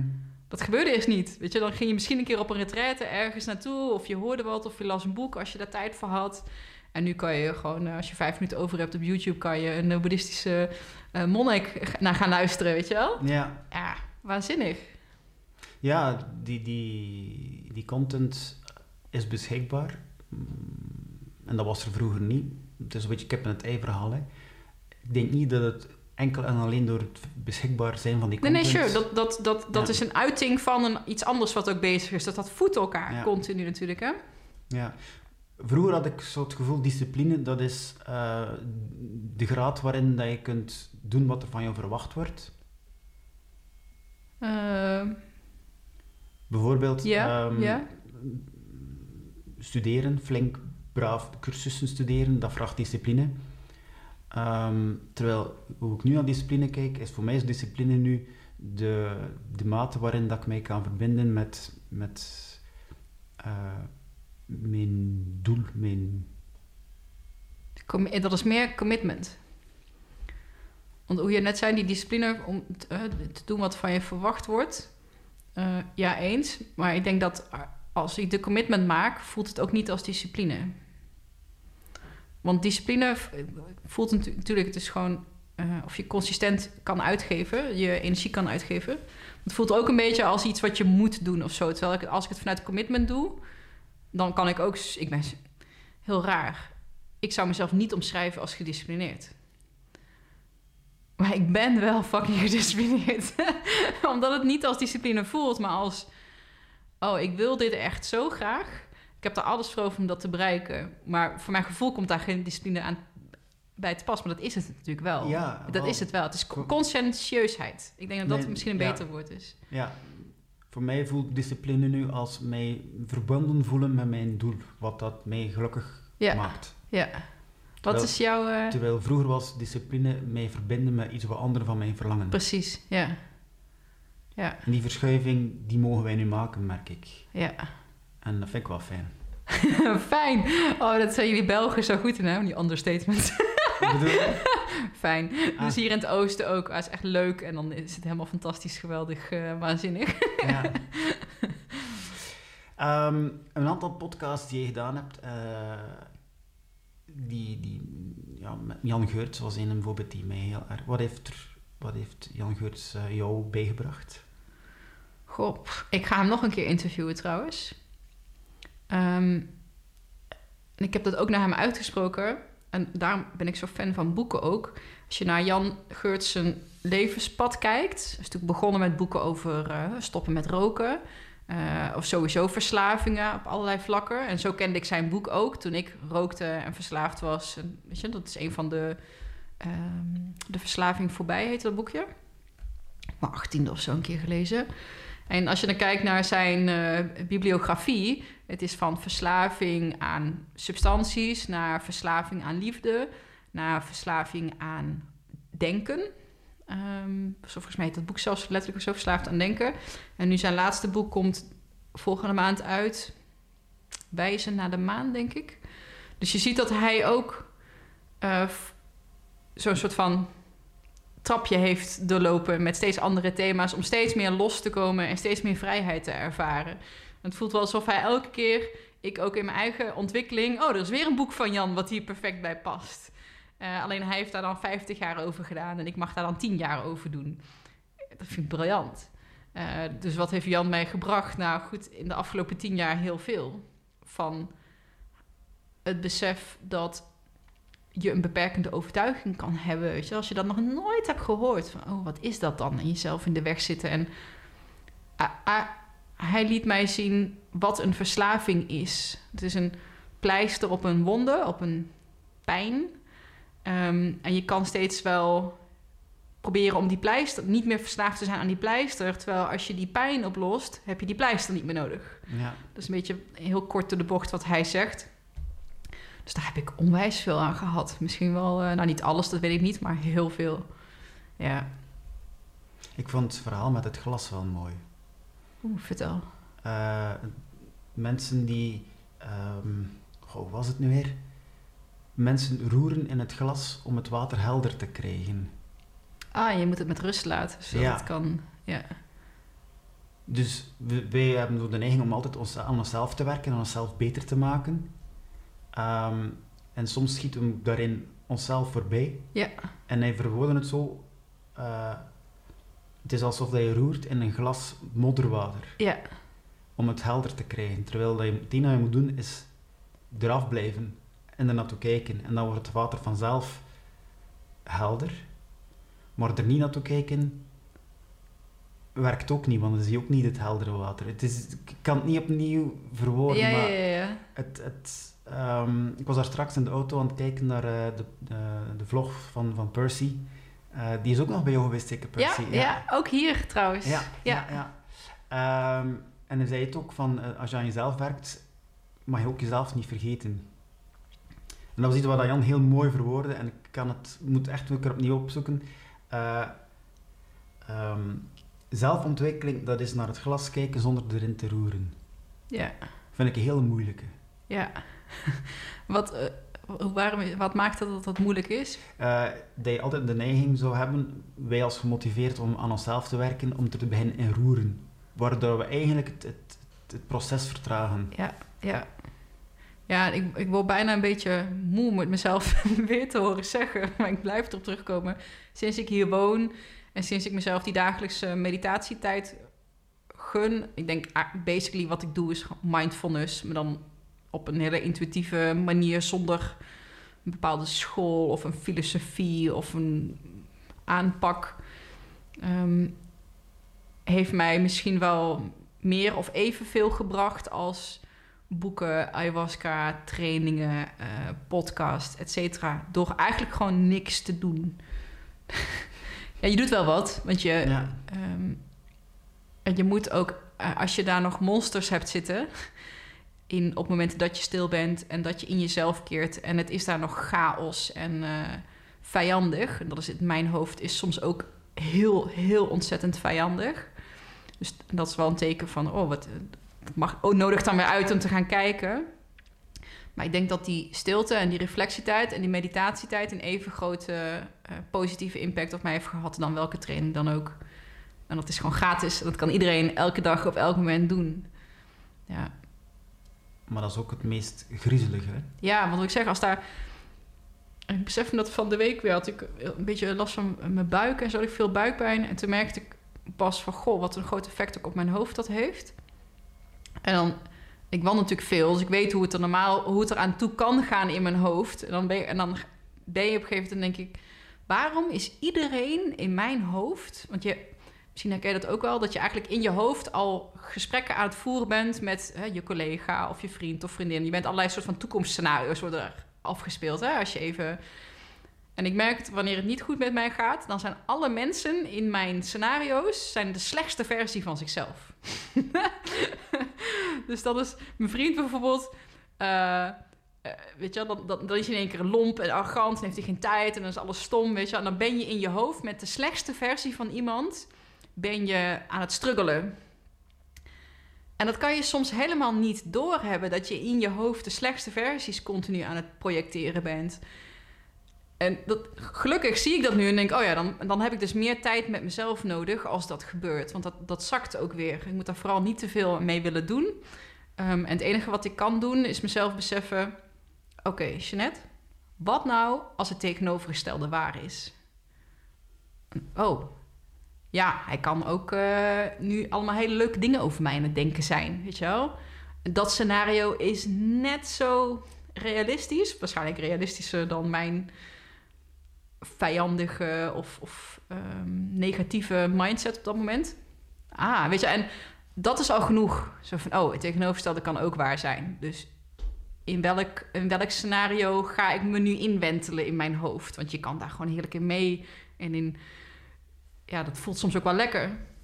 Ehm, maar dat, dat soort realisaties. Ik snap wel, als, je, als jouw hoofd heel vijandig is en jij hebt daar... Dan is het niet leuk om in je eentje te zijn. Of, of om te reflecteren, of om stil te zijn, of om te mediteren. Uh, maar het laat ook zien, weet je... En wat we dan allemaal proberen te doen, denk ik, is...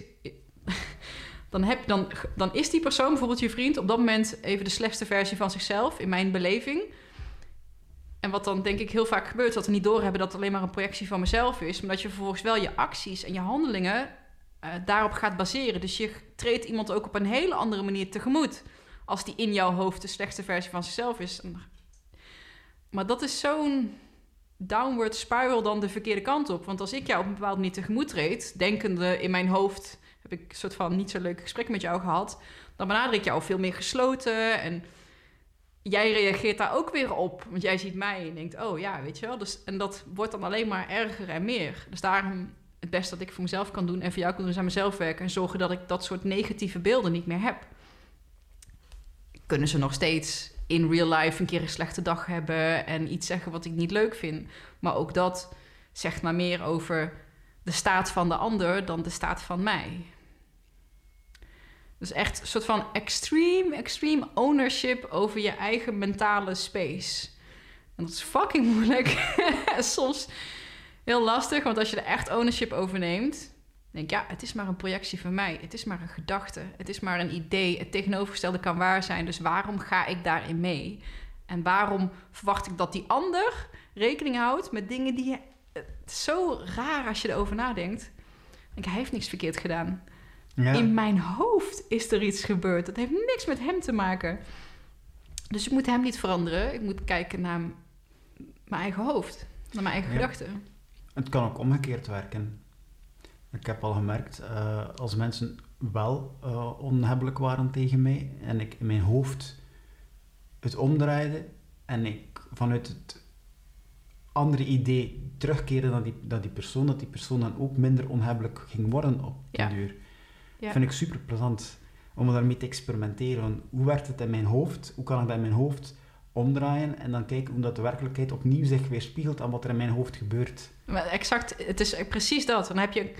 Het enige wat je daarvoor nodig hebt... is de- capaciteit om een klein beetje afstand te nemen... en niet direct in je, de, de, de eerste gedachte die bij je opkomt... als voor waar aan te nemen. Als je dan heel even wacht... Bijvoorbeeld, oh, dan komt er weer een nieuwe gedachte. En dan ga je die weer achterna. Of je gaat die bewust jezelf... Net als ik mezelf die vraag stel van... Goh, als het tegenovergestelde waar is... dat is voor mij al genoeg om weer een nieuwe gedachte te creëren... die tegenovergesteld is. En jij hebt dan je eigen eh, dingetje. Was het leuk? Het is exact dezelfde exercitie. Vet hè? Om te zien hoe groot effect dat heeft. Ja, En ook om niet...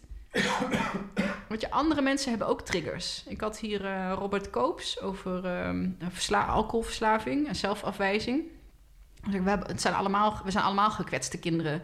We hebben allemaal triggers. We hebben allemaal slechte dagen. Weet je wel, die, die onhebbelijkheden in mijn hoofd... Dus die slechte versies van die mensen, die zijn ergens op gebaseerd. Want dat zijn ze soms ook. Ik ben soms ook echt absoluut de slechtste versie van mezelf. Als ik niet goed in mijn vel zit. Ehm, dus het is ook eh, niet, niet, zeg maar helemaal eh, uit de duim gezogen. Maar als ik niet trigger op jouw triggers... dus stel dat jij even in een slechte vibe zit... of je hebt het even niet onder controle... en dat is oké, is prima. Mens zijn is fucking moeilijk. La- laatst was, eh laat Michel een beetje van, van overwhelm. En bij iedereen uitzicht dat anders. Dus van meer een soort van boosheid. Het is ontzettend makkelijk om daar dan ook weer op te triggeren. Om boos te worden dat iemand, weet je wel. Om daar dan allemaal in mee te gaan. En voor je het weet heb je een ruzie. Ja. en om dan te zeggen, oké, weet je, oh, dit gaat niet over mij. Jij zit even daar. Ik vind het kut voor je. Ik ga gewoon jou proberen te helpen. Of hè, kijken wat je nodig hebt. Even afstand. Of wat meer. Meestal is het gewoon lief zijn. En open blijven. En aardig blijven. En iemand gewoon, weet je, even knuffel geven. In plaats van dan ook weer te triggeren. Ja, dan wordt het zo'n never-ending story. Maar dat is denk ik wel waar veel mensen toch wel een soort van heel makkelijk in verzanden. Want ja, als jij stom tegen mij doet, ach, kan ik ook helemaal uit mijn plaats schieten natuurlijk. En dan jij ook weer, en dan ik ook weer. En ja, voor je het weet eh, Ja. zit je in een hele ongezonde relatie met z'n tweeën. ja dus eh, Dat is wel de reden dat ik een latrelatie heb, by the way. Want het klinkt heel makkelijk, maar dat is het niet. Ik heb ook die, die tijd alleen, heb ik echt nodig. Ook om me weer lo- los te weken en om mezelf bewust te worden van... oké, wat is mijn aandeel hierin? Om veel meer bij mezelf te blijven. Eh, Ja, zodat dat je beter kan blijven staan in die dat is buitenwereld. Wat Jan Geurts aanraadt, hè, van Ja. niet samen te wonen. Ja. Ik zou het ooit toch graag doen. Het- Ter- Terug samen wonen met mijn lief. Heb jij nu een latrelatie? Ik heb nu geen relatie. Maar je, je zou... eh, Ik ben twaalf jaar samen geweest met de moeder van mijn kinderen. Eh, onder één dak ook gewoond. En dat is ook nog zo handig als je kinderen hebt. ja, natuurlijk. Daarna heb ik een relatie gehad van twee keer tweeënhalf jaar. Twee keer dezelfde vrouw. Eh, die, dat was wel een rat- latrelatie. Ehm, Maar ik vind het gewoon, ik ben zelf een fysiek iemand. Ik vind het gewoon fijn om samen s'morgens wakker te worden met iemand en s'avonds samen in, in, terug tegen elkaar in slaap te vallen. Ja. Dat is gewoon wie ik ben. ik ben. Ik heb die fysieke contact wel nodig. Ehm, maar ik versta wel, je hebt echt wel die tijd voor jezelf nodig, zoals je zegt, om, om terug te keren bij jezelf, te reflecteren, te voelen. Ehm, wat is van mij, wat is niet van mij, hoe kan ik ermee omgaan? Ehm, en daarin, ehm, je hebt Vera Helleman ook geïnterviewd. Hè? Ja. Voor mij, ik ben eigenlijk een stukje wakker geworden met, met eh, Tolle. Die zei van, je bent niet je gedachten, je bent niet je gevoelens, je bent niet je fysieke lichaam, maar je bent de, de, de gewaarwording erachter. Dat vind ik heel mooi. Ehm, en dan vind ik dat, dat, dat, dat ehm, Jan Geurt het heel mooi verleg, uitlegt over hoe de gedachten werken en, en, en hoe dat je daarmee kunt aan de slag gaan. Ehm, en dan vind ik Vera Helleman heel, heel mooi bezig rond emoties. Ja. Ze heeft ook emotie-encyclopedie. Ja, staat hier ook. Ja. Emoties. Ja, ik heb ook altijd het gevoel, ik, ik, ik ben boos, of ik ben verdrietig, of ik eh, ben gelukkig, of ik ben verlangend. Terwijl sinds ik met Vera Helleman gelezen, allee, gehoord heb, want ik lees eigenlijk, ik denk dat ik één of twee boeken per jaar lees. Als er zoveel zijn. Ehm, dat zij emoties als, als, als koplampen, als, als richtingwijzers Ja. eh, aantoont. Vind ik wel mooi. Kan je daar zelf ook iets mee? Of, of Ja, ja, hoe- ja, ja, Hoe zeker. En bekijk je dat? Ehm, ja, dat is ook zo'n gradueel proces en ook zo'n complex iets. Om, moeilijk om dat eh, kort en bondig uit te leggen. Ehm, en ik vond het in het begin heel ingewikkeld wat ze, wat ze zei. Want je zit een beetje, als je nog net niet of semi-los bent van die emotie... of er weer heel snel terug inschiet, dan is dat heel erg moeilijk. Ehm, ik vond het heel waardevol wat zij zei... Van, nou, als ik een gedachte heb en ik word vervolgens verdrietig om wat ik denk. eh, en zij, eh, even denken, oh, dat is even geleden. Hoe brengt ze dat ook alweer? Een mens heeft, heeft, heeft 60.000 gedachten per dag. Sommige geloof je en andere niet. En degene die je echt gaat geloven worden overtuigingen. Klopt, En die emoties laat je weten of een overtuiging constructief is dat was hem. of belemmerend. Ja, en wij denken hè, eh, dat ik verdrietig word door iets wat er in de buitenwereld gebeurt. En wat zij zegt van, het zijn juist de emoties die je ervaart rondom je overtuiging. En het laat je zien of je overtuiging juist is of niet. Dus ook weer, begint ook weer bij jezelf. Oh, ik heb echt zo'n periode gehad. Ik ben ook naar eh, Jan Bomrezen workshop geweest. Met Vera Helleman. Dat ik echt in zo'n struggle zat van... Oké, ik denk dat ik het wel snap. Ongeveer. Eh, maar wil dan alsjeblieft ook de wereld ophouden met op mijn knoppen te, te duwen. Want als niemand op de knoppen duwt, dan... Oké, ik denk dat ik het wel kan toepassen, dit allemaal.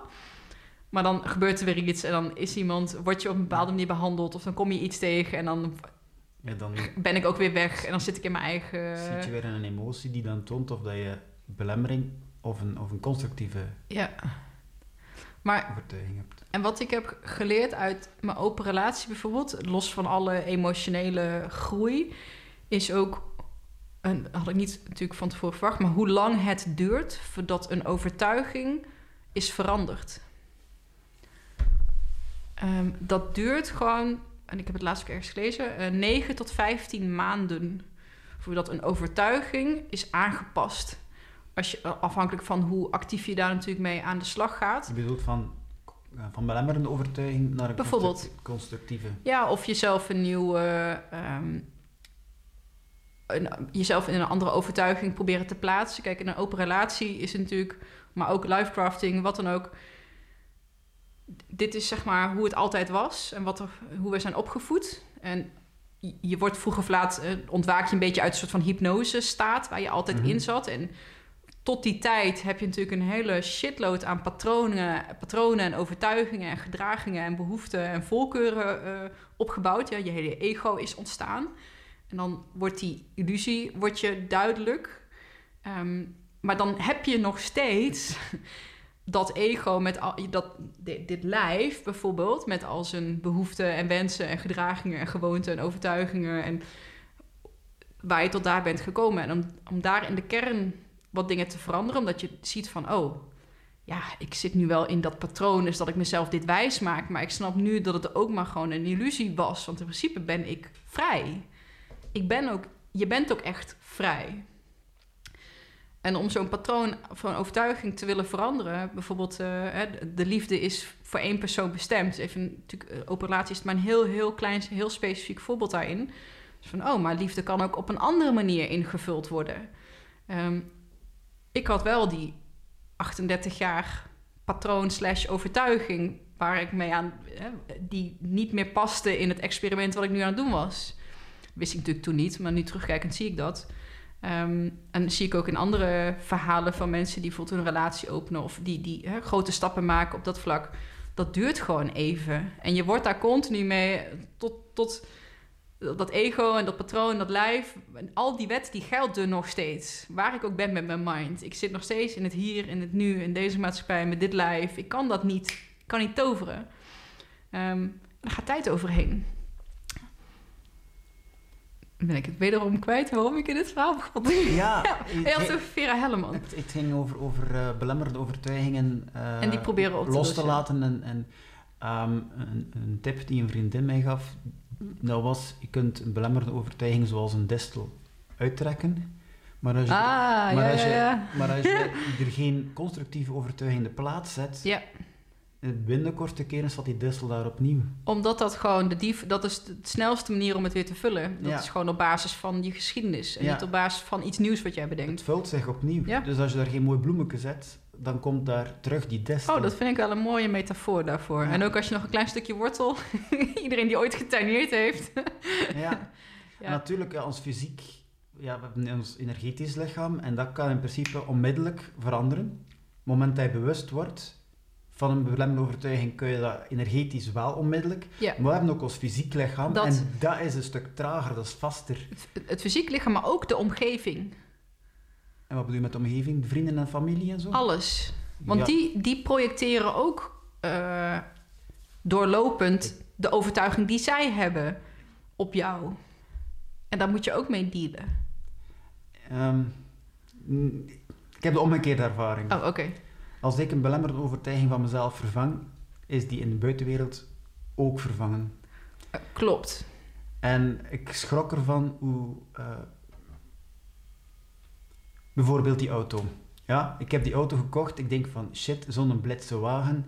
eh, wat gaat iedereen ervan denken? Het moment dat ik bij mezelf die klik gemaakt heb van, ja, ik heb een passie voor auto's. Eh, ik kan hem nu betalen. Eh, nu werk ik hard, nu kan ik hem betalen. So be it, ik ga er nu van genieten.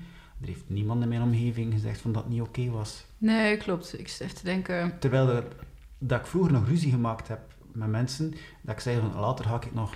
Maar dat is niet een overtuiging die in de kern... Je had die voorliefde voor auto's al. Ja, maar ik had wel de overtuiging van hoe kun je in godsnaam 50.000 euro, ik zeg maar iets, betalen aan een auto, terwijl er mensen zijn Oh, die niet rondkomen. En ik had er de overtuiging op van ehm, ik moet anderen helpen eh, en mezelf daardoor een stuk inperken in, in mijn verlangens. Ja. Dat is een overtuiging die ik vroeger had. Terwijl ik nu daarin wel geëvolueerd ben van nee, ik, mijn taak op deze aarde is, los van mijn kinderen natuurlijk ook, ik ben een vader van drie kinderen, is mezelf gelukkig maken. En als ik zelf gelukkig ben, vanaf dan kan ik pas voor anderen ook meerwaarde betekenen. Dus Al was het alleen maar in de rimpeling in wat je uitstraalt. voilà. Ja, zeker. Gewoon het feit al dat ik die auto gekocht heb, dat ik geniet van die auto, zorgt er ook voor dat andere mensen denken van, hé, maar Jelle doet dat en Jelle geniet ervan en dat mag. Misschien moet ik ook weer iets... En mijn vader heeft ook, Ja. ook een, een plezierauto gekocht. Ja, ik weet niet, ik weet niet of dat mijn eh, aankoop van mijn auto eh, hem daarin gestimuleerd heeft, maar ik merk wel dat het, het durven geld uitgeven aan iets wat je zelf leuk vindt, ehm, ja, dat dat wel, wel een, een, een, een invloed heeft. Dus de buitenwereld heeft op dit moment, denk ik, nog heel weinig invloed op mijn al dan niet eh, kunnen loslaten van belemmerende overtuigingen. Maar jij bent al best wel ver in, dat, in die vrijheid jezelf en ook eh, je, je eigen koers daarin durven. Zo van, ja, maar nee, maar ik vind dit belangrijk. Eh, als je nog helemaal vastzit in een groep collega's waar je werkt, of je straat, je familie, je heel als, als je daar de enige bent die een andere toon gaat zingen, eigenlijk, dan ben je in een orkest de enige, en al ben jij de enige die in de maat gaat en zit de rest fout, ben je de enige die wel die vrijheid opeist en zit de rest nog vast. Dat voelt als dat je niet meer in tune bent met de rest van het orkest. Eh, en wij zijn dan lekker eigenwijs en wij doen dat. En de rest kan ook in één keer ploep, die tune oppakken. Dat ben ik het met je eens. Maar ik denk dat als je dat nog nooit hebt gedaan, voelt het best wel eng in het begin. Mhm. Om sowieso de keuze te maken en om daarvoor te gaan staan. Te zeggen: nee, oké, dan dan, dan is de rest van het orkest maar in een andere toonsoort. Maar ik ga nu dit melodietje uh, spelen. Uh, en, en, het is geweldig natuurlijk als ze meegaan. Of dat er een ander orkest om je heen verzamelt. Dat kan natuurlijk ook. Ik denk, ja, uiteindelijk door jezelf te zijn, geef je de ander ook een cadeau. Ja. Want ofwel merken ze van, oh, er wringt iets. Ja. En worden ze zelf ook een stukje bewust van hun eigen belemmerende overtuigingen. Ja. Ofwel gaan ze weg. Ja, precies. En dan past het ook niet meer bij, bij mij. Maar dat is wel echt super spannend. Ja, ik... Want als, jij, als je hele wereld in dat orkest zit en je bent van iedereen afhankelijk, emotioneel, financieel, eh, et cetera ja, dat voelt wel even spannend. Ik ben dan verslaafd geweest. Het eerste wat ze in die training basically ook vertellen is... neem maar afscheid van je huidige vrienden. Omdat daar zoveel triggers zitten. En voor verslaving is dat natuurlijk extreem, extreem, extreem. En ook best wel een extreme advies om iemand te geven... van goh, ga maar een andere vriendengroep zoeken. Maar dat is omdat dat orkest zal niet veranderen. Want die zijn ook verslaafd en die zullen ook hè, dat gedrag... het enige wat jij kan doen is jezelf eruit halen... en jezelf in een nieuwe situatie neerzetten. Ja, ik moet terugdenken aan, Vera Helleman, die vertelde van... Uh, ze is op een bepaald moment ook, ook een soort wakker geworden. Ze heeft uh, ook gaves ontwikkeld op een bepaalde leeftijd. Ze was toen al getrouwd, denk ik. En ze vertelde um, dat dat ook haar relatie met haar partner een gevolg had. Ja, als jij zelf als persoon evolueert, uh, dan, dan brengt dat ook frictie tussen jou en je partner. En dan is ofwel de partner die ja, een andere weg op gaat, ofwel gaat de partner mee in die frictie en, en mee in, in dat evolutieproces. Weet je trouwens hoe haar... Is dat Tom de Kort? Is dat haar man? Geen idee. En ik vroeg haar of zij nog uh, gasten had voor mijn podcast. En volgens mij tipte zij mij... Maar ik weet niet zeker of dat haar man is of niet. Of dat ik die twee nu door elkaar haal. En daar stond een afspraak mee. En die is nu... Uh, en toen werd ook gezegd, maar hij heet niet meer Tom. uh, want hij channelt nu iets anders. Dus hij heet nu weet even niet meer wat het was. En nu uiteindelijk is hij uit de agenda, omdat hij, nou goed, andere prioriteit heeft, van natuurlijk helemaal oké, helemaal prima mm -hmm. is. Dus ik was even benieuwd of dat Vera haar man was. Die was ook een boek aan het schrijven. Geen idee. Ja. Moet ik even opzoeken.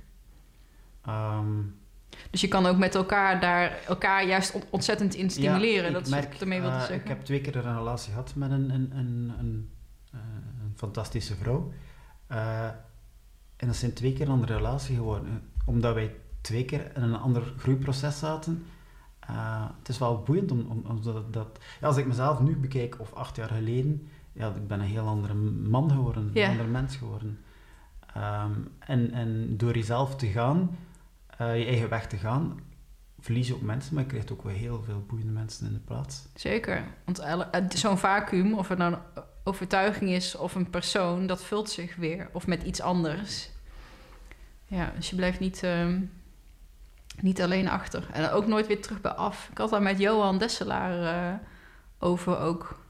Volgens mij is dat de laatste die bij mij is live gegaan. Um, is dat die Vlaming? Ja. ja. Ik heb nog niet helemaal beluisterd. Nee, ja, die staat volgens mij ook pas uh, drie dagen ja. online. Is ook een, dubbel, een dubbele aflevering voor die van hem. Ja. Volgens mij kunnen we hier ook net zo goed gewoon een aflevering van maken. Want ik zit jou net zo hard vragen te stellen als jou. Ik, dat is beroepsdeformatie. Ik weet het niet. Sorry. Ja, ik vind, vind het wel leuk. Ik vind het wel leuk. Um, ja, terug naar uh, 12 Waves. Um, dus we hebben het er al heel uitgebreid, uitgebreid gehad over, over het, het luikje van um, wat maakt mij gelukkig? Waar haal ik energie uit? Ja. We hebben het dan ook al gehad over belemmerende overtuigingen.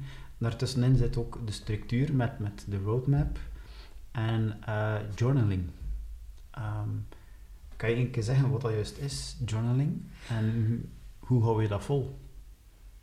Goh, ja. Um, hoe ik het nu inzet, want hij ligt hier ook. Ik volg de, de 12 waves template in die zin dat ehm, ik heb mijn richting bepaald. Ik heb daar een, een roadmap, is niet veel meer dan de, de tussenstappen die ik denk die nodig zijn in een bepaalde volgorde. Maar dat is altijd goed om dat uh, uit te tekenen en ook een beetje zelf af te spreken. En dat is waar ik heel veel winst op heb gehaald. Oké, ik mag alleen aan de allereerste bolletjes, stapjes van die lijn, van die roadmap, mag ik aanwerken van mezelf. Dus wat is een roadmap? Links van onder teken je jezelf nu. Ja. Rechts van boven op het papier teken je hoe dat je zelf wil zien over ja, vaak is dat... Uh, maar dat, dat, in principe is je vision board is wat je rechtsboven ziet. Dat kan je in steekwoorden doen of in een tekeningetje. Waar je naartoe wil eigenlijk. Waar je naartoe wil. En dan teken je zo een aantal lijnen ertussen. Ja, een aantal zijn... Uh, iedereen van ons heeft verschillende verhaallijnen. Je hebt een lijn als man, als uh, als vader, als vriend, als ondernemer, als carrière of als freelancer. maar ook een vitaliteitslijn misschien of een lijn persoonlijke ontwikkeling. Ik heb ook meerdere verhaallijnen. En ik kan voor elke verhaallijn, bijvoorbeeld nou, vitaliteit of ondernemerschap. Oh, ik weet, daar wil ik naartoe. En dat is een bepaalde financieel budget heb ik daar voor ogen om dat leven te kunnen leiden. Oké, hoe ga ik dat voor mezelf creëren? Um, stel ik wil ondernemer worden, dan kan je het heel makkelijk plaatsen. Oké, eh, een Kamer van Koophandel, inschrijving en een plan en een product en een marketing. Dus je kan dat, die stappen die je nodig hebt om zo'n budget te gaan halen, of als het gaat om persoonlijke ontwikkeling, nou, de reizen die ik nog wil maken, dat is, in principe is dat ook een, een roadmap. Ehm, en waar het mij heel erg, wat een valkuil voor mij was, ik ben druk en mijn hoofd gaat snel, is dat ik heel snel eh, mijn energieknikkers die ik op een dag heb, maar all over the place een beetje rondstrooi. En zo'n roadmap helpt me in ieder geval deels. Want natuurlijk, ik heb heel veel vrijheid en ik doe het nog steeds. Dat ik bijvoorbeeld in de ochtend zeg: Oké, ik ga nu echt alleen op dat eerste bolletje. Daar ga ik nu al mijn focus en mijn aandacht en energie daarop richten. En ik ga pas naar het volgende stapje als dit stapje klaar is ja, dat klinkt heel stom, maar dan is het in één keer waar ik denk dat ik twee jaar over doe, is dan in zes maanden geregeld. En dat is niet omdat ik beter werk of slimmer werk of harder werk, maar gewoon veel gestructureerder en gewoon eerst dit en dan dat. En ook, um, kijk, niet alles lukt meteen. Projecten falen, vallen af, zijn toch niet zo leuk als gedacht. Um, als ik aan alle projecten een beetje werk, dan kom ik daar pas heel laat achter. Terwijl als je dat gewoon stuk voor stuk doet, of een beetje geclusterd doet, dan, ja, dan wordt mijn richting zoveel sneller duidelijk.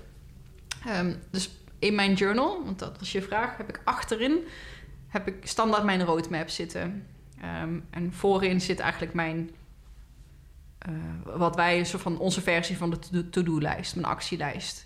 dus wat ik op een dag doe, ik heb natuurlijk gewoon de mail en alles wat zich aandient in het lopende werk. En dat vult zich toch wel, daar hoef ik niet heel veel moeite voor te doen. Uh, maar ik kijk ook altijd op mijn roadmap en ik probeer elke dag één stapje te zetten, wat in ieder geval roadmapwerk is. Wat mijlpalen zijn die mij verder brengen in waar ik naartoe wil. Um, en daar gebruik ik dus mijn journal voor. Dus ik heb voorin heb ik mijn takenlijst, even heel kort door de bocht, en anders moet je even aflevering 42, achterin mijn roadmap, uh, onder andere. En wat ik dan verder doe, is dat ik elke dag even journal. Maar dat is wat voor mij goed werkt in het leven wat ik nu heb. Um, dus ik schrijf daar uh, de, de, drie taken die ik die dag echt wil doen, die schrijf ik op. Maar ook wat er verder nog aankomt waaien. Zo van, oh ja, ik moet vandaag ook die even bellen. Dat schrijf ik dan even in die pagina voor die dag op. En als ik bijvoorbeeld op zo'n dag... Um, of aantekeningen in gesprekken en telefoontjes. Nou, gewoon je, notitieblok. En als ik dan bijvoorbeeld uh, heb gemediteerd of gewandeld... vaak dan... En ik neem dan ook geen telefoon mee, niks mee te schrijven. Heel bewust, want het leidt weer af soms zijn er toch wel ideeën of flarden die ik wil vangen. En soms ben ik daar drie minuten mee bezig en soms drie uur. Want dan van het een komt het ander en voor je het weet ben je een hele tekening aan het maken. Um, dus zo gebruik ik mijn journal. En wat ik daar nog aan toevoeg zijn mijn, mijn daily habits. ik probeer mijn dag... Dagelijkse gewoontes. Ja, en niet zozeer mezelf niet vast te leggen op een bepaalde tijd, maar wel, oh, dit zijn gedragingen waarvan ik heb geleerd, ook hè, mijn, mijn mind, die me positief houden, of in ieder geval on track houden, en die probeer ik wel elke dag te doen. Ja. En dus dan heb ik, uh, uh, dan ga ik met, maak ik het groen. Ik heb een acroniem voor de daily habits nu. En dan schrijf ik dan elke dag op en dan omcirkel ik als ze zijn gelukt of als ze niet zijn gelukt. En niet om mezelf, mezelf dan te geestelen. Van, oh, ik heb vandaag niks van mijn daily habits gedaan, want ik ben echt niet perfect. Maar het zijn wel die kleine reminders van, oké, heb je vandaag, ben je vandaag al buiten geweest? Ja. ben je al in het bos geweest? Heb je al gelezen? Heb je je supplementen? Of je, heb je gewoon voor jezelf gekookt? Goed voor jezelf gezorgd? Want dit, dit, dit, deze meat sack, dit eh, is een zak met vlees en botten, die moet nog langer mee. Dus daar moet ik goed voor zorgen. Heb je dat vandaag gedaan? Nee, oké. nou, ga vanavond dan maar even goed eten voor jezelf maken. Eh, en zo hou ik mezelf ehm, op koers. Zonder dat dat voelt als heel gedisciplineerd of heel streng. Maar meer uit, oh, ik weet dat als ik dit doe, voel ik me goed. Ben ik en kan ik ook relaxen als ik dat wil. Want ik ben van de gaan, gaan, gaan, gaan, gaan en nooit rust. Van, oh, maar ik heb nu dit gedaan. Ik mag nu voor de rest van de dag... Ik mag mezelf toestemming geven om nu ook even uit te schakelen. En te ontspannen. Dus, en, en hoe Ja. hou ik me daarvoor... Want dat vroeg je, van hoe Hoe je dat vol? zorg je, hou je dat vol? Dat is geen opgave. Net als dat het mediteren of dat, dat eh, forest bathing, ehm, wat ik dan doe. Ik heb Ja. daar behoefte aan. Ik, ik, het voelt, ik mis iets als ik het niet doe. Maar het is ook niet erg als ik het een keer een dag niet doe, snap je? Ik weet niet meer wie het was, ik kon toch geen namen, maar je hebt iemand eh interviewd die eh, echt alles, alles eh, in, in journal stak en iedere keer een trimester werkte. Oh ja, Tanja, denk ja, ik. het zou kunnen. Met twee weken sprints en dan zes sprints na elkaar en dan kwam ze aan, aan net geen... En dan is nog een week over om te rev- reviewen over hoe is het geweest. En eh, ik vind het fantastisch, hè, maar... die meta hebben wij ook, hè? Want ik doe elke dag. ja, Maar ik heb ook elke maand dat ik een week in de maand als soort return home. eh, waarin ik geen afspraken buiten de deur heb en meer ga kijken. Terug ga kijken, reflecterend op de maand ervoor. En weer naar mijn roadmap ga kijken. Voortschrijdend inzicht verwerk. Maar ook, net als nu zit ik in een return home. Mijn desktop opruim. En mijn Dropbox mapjes opschoon. Er ontstaat zoveel clutter eigenlijk. Ja. Eh, rommel in gewoon de dingen die je doet. Dat je ook tijd nodig hebt om die rommel even op te ruimen, even pas op de plaats te maken, je systemen te onderhouden. ja. Eh, dat zit er wel in. En zij heeft daar inderdaad een soortgelijke structuur. Ik, ik volg dat ook, maar iets meer vanuit flow. En ik kan het ook niet doen. Ik kan die return home overslaan. Maar dan vroeg of laat heb ik daar echt behoefte aan. En denk ik, oef, ja. ik heb even die rust en die pauze nodig. Ja, ik merk ook, ehm, een kameraad van mij, die ga ik binnenkort ook uitnodigen in mijn podcast, die Getting Things Done, maar tot in het extreme. Ehm, als, als zijn vrouw vraagt, ga je niet vergeten de vaatwas aan te steken, dan het eerste wat hij doet is zijn gsm pakken en toevoegen, vandaag nog to-do-list vaatwas, om dan gewoon drie minuten later beneden die vaatwas aan te steken. Ja, En dat is allemaal een beetje, ja, overkill. Maar als hij daar gelukkig mee is, ja. En dat is allemaal heel super gestructureerd en, en echt dikke chapeau voor hem, maar ik word er gewoon hyper nerveus van. Ja, ja, ja. Moet ook bij je passen natuurlijk. Ja. Ik heb nu bij mezelf eh, aan de binnenkant van de binnendeur van mijn slaapkamer eh, een, een, een, af, een Excel afgedrukt waar ik gewoon... eh, ik ga drie keer per week wandelen, een uur. Eén keer in de week wil ik yoga doen. En dan twee keer wil ik krachttraining doen en dan twee keer cardio. Dus er zijn acht mogelijkheden waarvan dat ik vind dat ik er vijf moet gedaan hebben op het einde van de week. En dus ik zet gewoon, die dag heb ik dit gedaan, die dag heb ik dit en op het einde van de week wil ik aan vijf Ah, komen. ja, ja, ja. Nou, feitelijk is dat wat ik ook doe, maar dan op dagniveau. Ja. Want ik, ehm, dan moest ik elk... Ik kan het wel laten zien. Ik had inderdaad in het begin, had ik net zoals jij zo'n schemaatje. Nou, ik heb dat dan niet op mijn deur, maar ik heb dan eh, hier dus bijvoorbeeld zo'n eh, Ja. tabelletje. Eh, hetzelfde als wat jij dan ook... je ziet het al, dan maak ik hem niet af, want dan ben ik ehm, in, in de dagelijkse malle molen. Ja. En dan vergeet ik terug te bladeren. Dus wat ik nu doe, is dat ik... ehm, nee, hier is die van gisteren. Is dat ik ehm, elke dag... Persie van Tienhoven deed het ook zo. Ja. Dat ik elke dag... En ik heb dan dat acroniem. En dat ik dan... En het is ook oké als ze soms niet lukken. Maar het, trainen is voor mij wel een dagelijkse gewoonte. En dan heb ik mezelf afgesproken... Trainen betekent of wandelen. Gewoon, en ik woon hier prachtig, dus ik... eh, geen reden om dat niet te doen. Of nee, sorry, ik zeg het verkeerd. Het is niet wandelen. Trainen is ehm, eh, of yoga inderdaad, of zwemmen of hardlopen. Of stretchen, dus yoga slash stretchen. Dus ik weet altijd voor mezelf van, oh, ik heb vandaag niet, geen zware dingen getild, maar yoga mag ook. En dat, dat kan dus wel gewoon elke dag. Dus vandaar dat ik hem wel als daily habit heb gedaan. Want al, ik ging met mezelf in onderhandeling. Oh, ik hoef deze week twee keer hardlopen. Het is donderdag. Ik heb vandaag eigenlijk niet zo heel veel zin aan. Dan ga ik vrijdag en zaterdag. En dan is het zondag en dan heb ik nog niet gedaan. Dus ik probeer mezelf wel elke dag... Dit is mijn taak. Dus mijn werk voor mij voelt meer mijn lijf gezond houden... dan de podcast maken of de trainingen verkopen. Dat voelt als vakantie, Ja. gek genoeg. Omdat ik daar helemaal als vis in het water voel en alles wat ik dat doe. Maar mijn lijf gezond houden, dat voelt als een soort van taak. En ik ben heel blij dat ik die taak eh, mag doen, intens gelukkig. Maar dan wil ik mezelf, ik wil hier zo lang mogelijk zijn. Ja. En dan moet dit stukje biologie, eh, moet daarin wel gehoord worden. En gezien en erkend worden. Ik heb nu net een tijd dat ik echt bijna richting burn-out-achtig ging. Dat ik echt dacht van, oh, weet je wel... en maar door, en maar door. Mijn soort van eh wereldkampioen eh, mentaliteit, zeg maar. Maar doorbikkelen. Dus dat ik echt het besef had van, oh, shit hé. Maar ik moet goed gaan luisteren naar mijn lijf. Eh, ik ben niet oud of zo.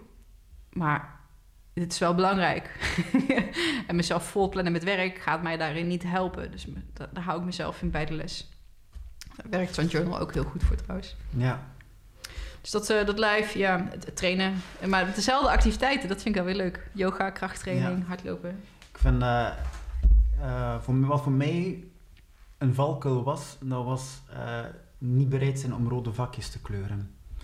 Ik vond het eigenlijk wel heel mooi hoe dat Percy, ik was van de week weer aan het kijken naar zijn vlogs, en hij had dus zichzelf voorgenomen om een hele maand elke morgen eh, voor 9 uur wakker te zijn, uit zijn bed te zijn. Hij wilde drie kwart, 75% van de dagen wou hij voor 9 uur uit bed zijn. En hij wou elke dag anderhalf liter water drinken.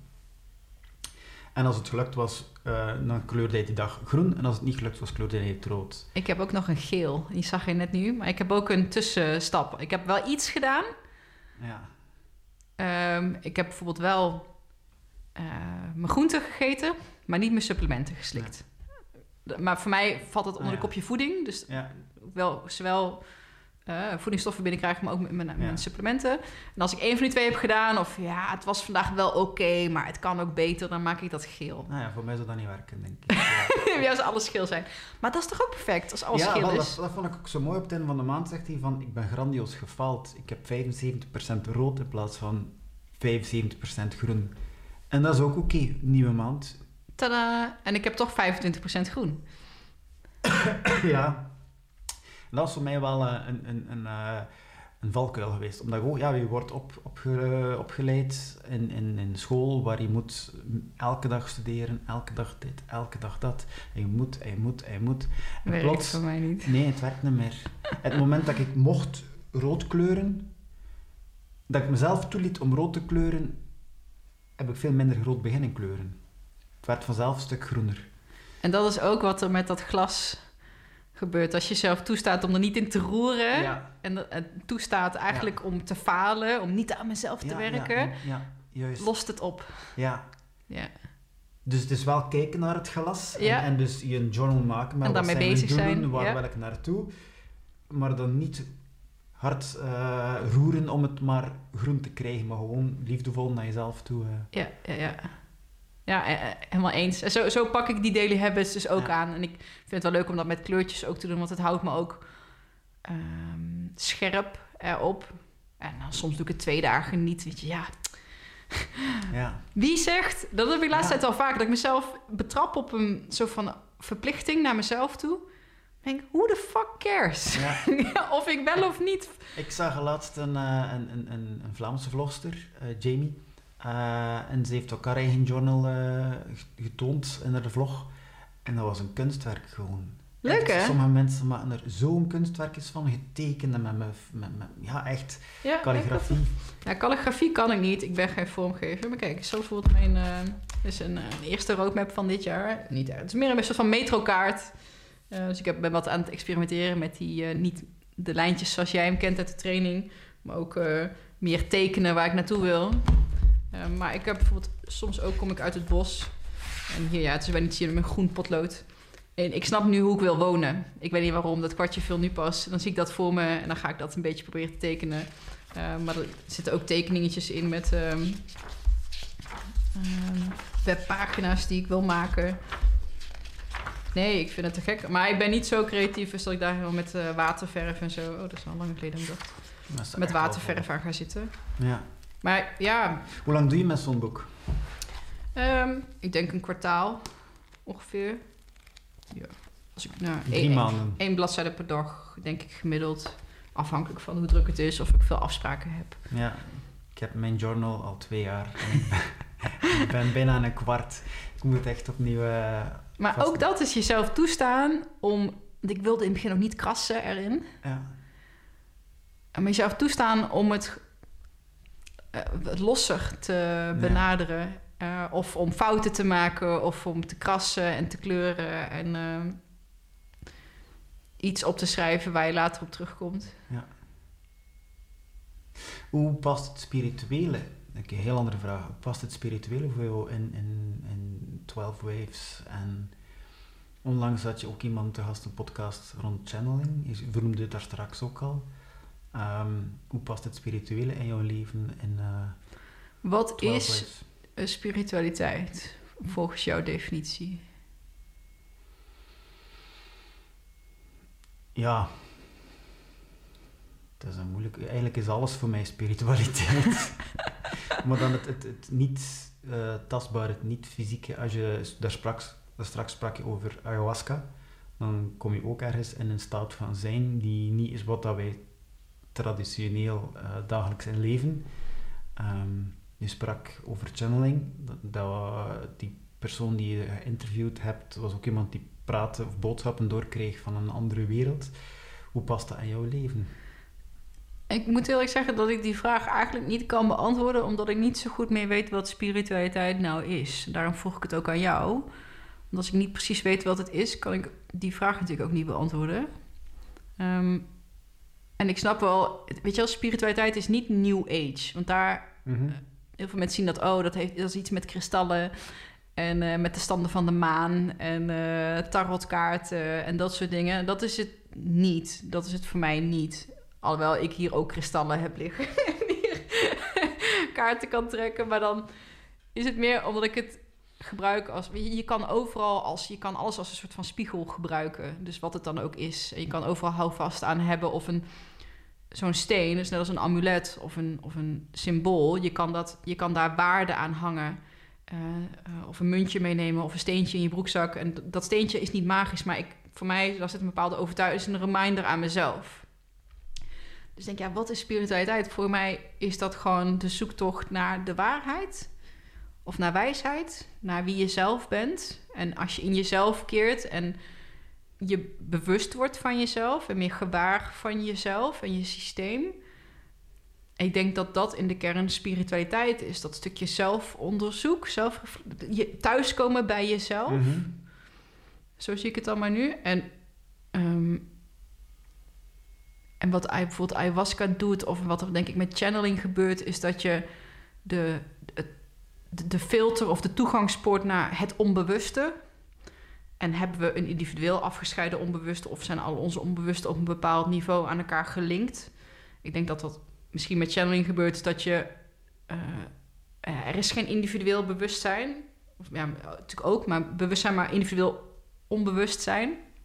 Dat het allemaal met elkaar verbonden is en dat je een soort van wijsheid daaruit kan binnenkomen als inspiratie. Want dat, zegt, dat vond ik zo tof van dat channeling interview. Het klinkt wel heel spannend, oh, eh, een aliens, maar dat, het enige wat hij eigenlijk doet, iedereen kent dat zo van, oh, zo'n Eureka-moment, weet je, zo'n inspiratie. Van één komt er een idee wat geweldig is, of ah, iets wat inzicht geeft. Nou, die momentjes, dat is basically wat je met channeling gewoon meer toestaat. Dat je toestaat dat je inspiratie krijgt. Ik vind spiritualiteit bijna een soort vorm van inspiratie dat tot je komt eh, in beeld en geluid en gedachten. Eh, mensen die bijvoorbeeld met psychedelica, zoals ayahuasca of LSD, experimenteren, die hebben dat ook. Van, er zit dan zoveel rijkdom aan beelden en visioenen. En de moeilijkheid is om je daar dan weer niet mee te identificeren. En ook die hele cultuur daar eigenlijk een beetje los te laten. Want dat stond mij heel erg tegen. Zo van, oh, dan vind ik dat... Het gaat niet om... ehm, eh, om de, het middel of om de mensen. Het, zijn die sprankjes inspiratie. En ik, ja, Ik vind het een lastige vraag, omdat ik dus niet zo goed weet wat is spiritualiteit. Misschien is dat in tune zijn met, hè, met jezelf en je bewustzijn van jezelf. Ja, dat komt helemaal terug in 12 Ways, maar heel subtiel en heel onbewust. En ehm, ik vind het echt super vet. Het boek waar ik maar niet over uitgebreid raak, over, van Mitch Horowitz, The Miracle Club, is in principe is dat mystiek. Nou, mystiek, spiritualiteit, filosofie, psychologie, metafysica. Het zit natuurlijk allemaal een beetje in dezelfde hoek, maar dan nogmaals niet de hele New Age uh, gedoe. Sorry, mensen die nu kijken die daar wel van zijn. um, ik las dat boek en ik zei tegen Michel, ik zei, wow, hier staat gewoon eigenlijk de, de onderbouwing, de theoretische onderbouwing van waarom jouw protocol werkt. Kijk, het protocol werkt omdat je mensen een doel laat stellen en mm denken over een overtuiging. En gaandeweg word je dus ook meer bewust van jezelf. En ga je dingen manifesteren, zoals die auto, die, daar, die is daar niet magisch. Je hebt daar hè, hard voor gewerkt. Maar in dat proces zit ook een klein stuk van uh, ontwaken of meer bewust. Daar kan in potentie dat voor mensen uh, zijn. En spiritualiteit is daar een soort van de onderbouwing van. Mhm.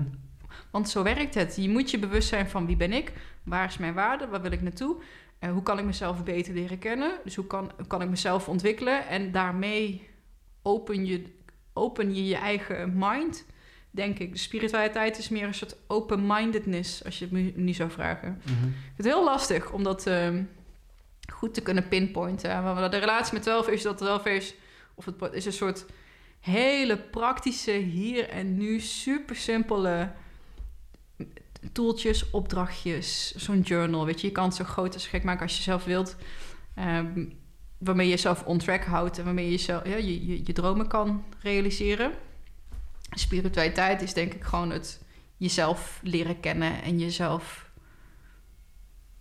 Ja, wat is het? Zelfactualisatie misschien. Ja. Geen idee of. Uh, correct me if I'm wrong. Ik hoor het heel graag of wat dat met jou doet. Um, ik herinner mij, ik ben een keer bij jullie op, op workshop gekomen en een van de weinige dingen waar ik uh, net helemaal niet mee akkoord ging, um, uh, the law of attraction. Um, als je droomt van een rode auto, dat je plots overal rode auto's ziet, dat dat, dat niet is omdat er meer rode auto's zijn, maar omdat je zelf beter let op die rode auto's yeah, of zoiets. Yeah. Um, ik geloof wel in, in, in een buitenwereld, een niet-fysieke buitenwereld, die samenwerkt. Uh, en dus als ik een bepaald doel stel, dan gaat die niet-fysieke buitenwereld ook meehelpen dat helpen verwezenlijken. Daar zit ik nu echt middenin. Maar dan moet je echt, echt Neville Goddard gaan lezen of luisteren. Ja. Als het dan gaat over uh, de, katholieke kerk of verschoppen, dan is hij ook wel interessant. Maar ik, um, het verhaal waar ik eigenlijk het, het, het meest aan heb, is... Een vriendin vertelde mij, zegt ze, uh, er is één oerbewustzijn, die niet fysiek is, uh, een, een, ja, een bewustzijn dat perfect is, dat af is, maar dat nog geen bezieling heeft, geen ervaring heeft. Het is gewoon alsof je wit licht hebt. Ja. Je kent geen kleur, alleen wit licht. En op een bepaald moment, voor zover dat moment bestaat natuurlijk, uh, wij proberen met ons hoofd, met ons aardsbrein te snappen. Op een bepaald moment is, uh, heeft dat bewustzijn beslist, ik ga er tijd en ruimte creëren als, als virtueel experiment. Ja. De Big Bang, plots vanuit één punt is alle materie ontstaan, alle uh, tijd ontstaan, alle ruimte ontstaan. En dat bewustzijn heeft zichzelf over heel die kosmos verdeelt. En, um, dus in die zin, als, als, als um, Michel zegt, wij zijn apen met een smartphone, voor mij is het maar de helft van de waarheid. Wij zijn fysieke lichamen met een, een energetisch lichaam, uh, bewustzijn die daarin zit. En zo is, zoals ik dat verhaal hoor, en voor mij past dat best, is elke persoon, elk plant, elk dier, elke steen heeft een stukje van dat bewustzijn, oerbewustzijn mee, maar dat is gewoon als experiment ervaringen opdoen. Ja. Daarom ook dat ik niet, echt niet meer geloof in het moeten van buitenaf, maar in het vanuit jezelf voelen. Wat maakt me gelukkig? En op die manier je energiepeil, je, je, je oerbewustzijn groter te maken. En dat is voor mij de ultieme vrijheid. Ja, ja. Ehm, en in die zin uh, bekijk ik het leven als experiment. En die vriendin zei ook, de aarde is de enige plaats waar dualiteit ervaren wordt. Dus wij kennen warm-koud, uh, blij, niet blij, uh, ja, de donker licht, de dualiteit. maar op andere planeten waar ook wezens zijn, waar ook bewustzijn is, daar kennen ze dualiteit niet. Alleen hier op dit bolletje. Dat soort uitspraken vind ik dus echt super moeilijk. Hoe kan je dat staven? Niet. Nee, precies. Ik, eh, intellectueel ben ik helemaal onboord. Maar dan is, is, zit er ook de, de, de nuchtere wetenschapper in mij die zegt: Oké. maar dan komt het aan in de praktijk ervaren. En dan merk ik: uh, wat is die dualiteit? Dat is een uitnodiging om, om dingen. Um, moeilijk om dat woorden te brengen. Ja, maar dit, dit, dit is ook echt super moeilijk. Ja. En vooral, want ik wilde net ook iets zeggen... en dan merk ik dat ik mezelf erop... Uh, dat ik het inslik. Dan denk ik, ja, ik snap het ook nog niet helemaal. Ja. En ik wil het ook niet uh, dan al... Uh, ik ga gewoon proberen de woorden te herhalen zoals zij ze gezegd heeft... en bij mij binnengekomen zijn. Het, het, het doel van het leven op aarde is uit de driehoek te stappen van dader, slachtoffer, hulpverlener. Oké. Ja. Um, iedereen doet dingen met ander aan, iedereen wordt dingen aangedaan en je gaat ook vaak anderen gaan verdedigen.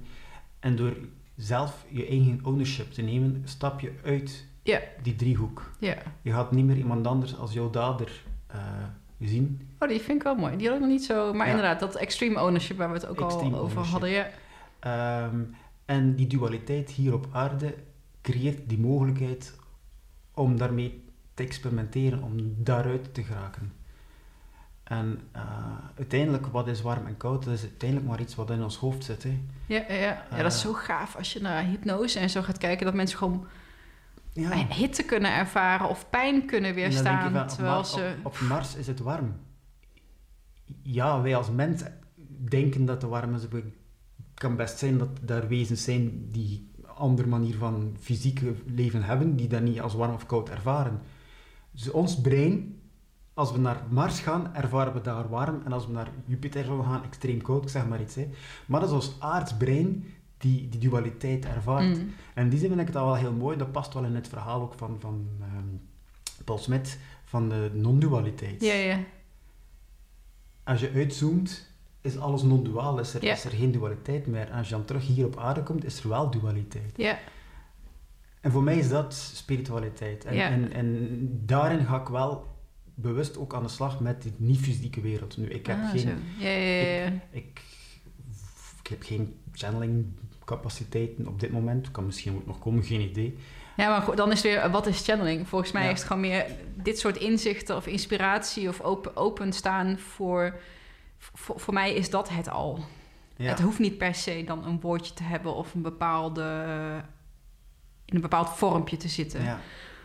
Want hoe, kom je aan die kennis, weet je wel? waar, waar, komt dat dan ineens? Ik heb ook al af en toe, dan, bedenk ik dingen... Hoe weet ik dit nou? Waar komt dit nou helemaal... Dat Ja, verzin ik gewoon, I don't know. Je hoort links en rechts dingen en bepaalde Ja. dingen blijven plakken. Zeg je Ja. van, ja, zo voelt het voor mij. Dus in die zin is inderdaad, eh, is dat, is dat channelen? Nee, dat is gewoon, ik ervaar dat wat dit verhaal aan mij verteld wordt, dit is mij ene keer verteld en het klopt voor mij zo hard Ja, dat ik het nu bijna woordelijk kan herhalen. maar soms is het niet een persoon die tegen jou zegt... maar ben je bijvoorbeeld aan het wandelen of aan het mediteren... Ja. en dan komt daar ook zo'n... Ja. alsof zo'n verhaal aan ja. je wordt verteld. Zo voelt het dan een beetje. En dan denk ik, wie, wie is mij nu dit nooit... of wat? Of wie? Ja. Er is het moment dat je in je energie zit, maak je vanzelf een soort verbinding met dat oerbewustzijn en komen er dingen door. Nou, dat is denk Ja. ik, als je channelen, als ik dat zou moeten uitleggen aan iemand, zou ik het zo uitleggen. Denk Ja. ik dat, dat je daar connectie mee hebt of open zijn- voor staat. Maar er zijn mensen die ook stemmen horen. Hè? Ja. Ehm, mensen die beelden zien. Ehm, ik ken er verschillende. Ik niet. Ik ook niet. Ja, het is voor mij ook niet per se een doel. Ja. Ehm, ik, vind ja, ik vind het wel mooi om die spiritualiteit en non-dualiteit met elkaar... Want als het gaat over mijn levensfilosofie... De, de school of thought, zeg maar, waar ik mezelf heel erg in kan vinden... dan zit dat absoluut in de hoek die jij net zei. Dan is het over dan heb ik het over mijn mentoren als ehm, eh, Watts.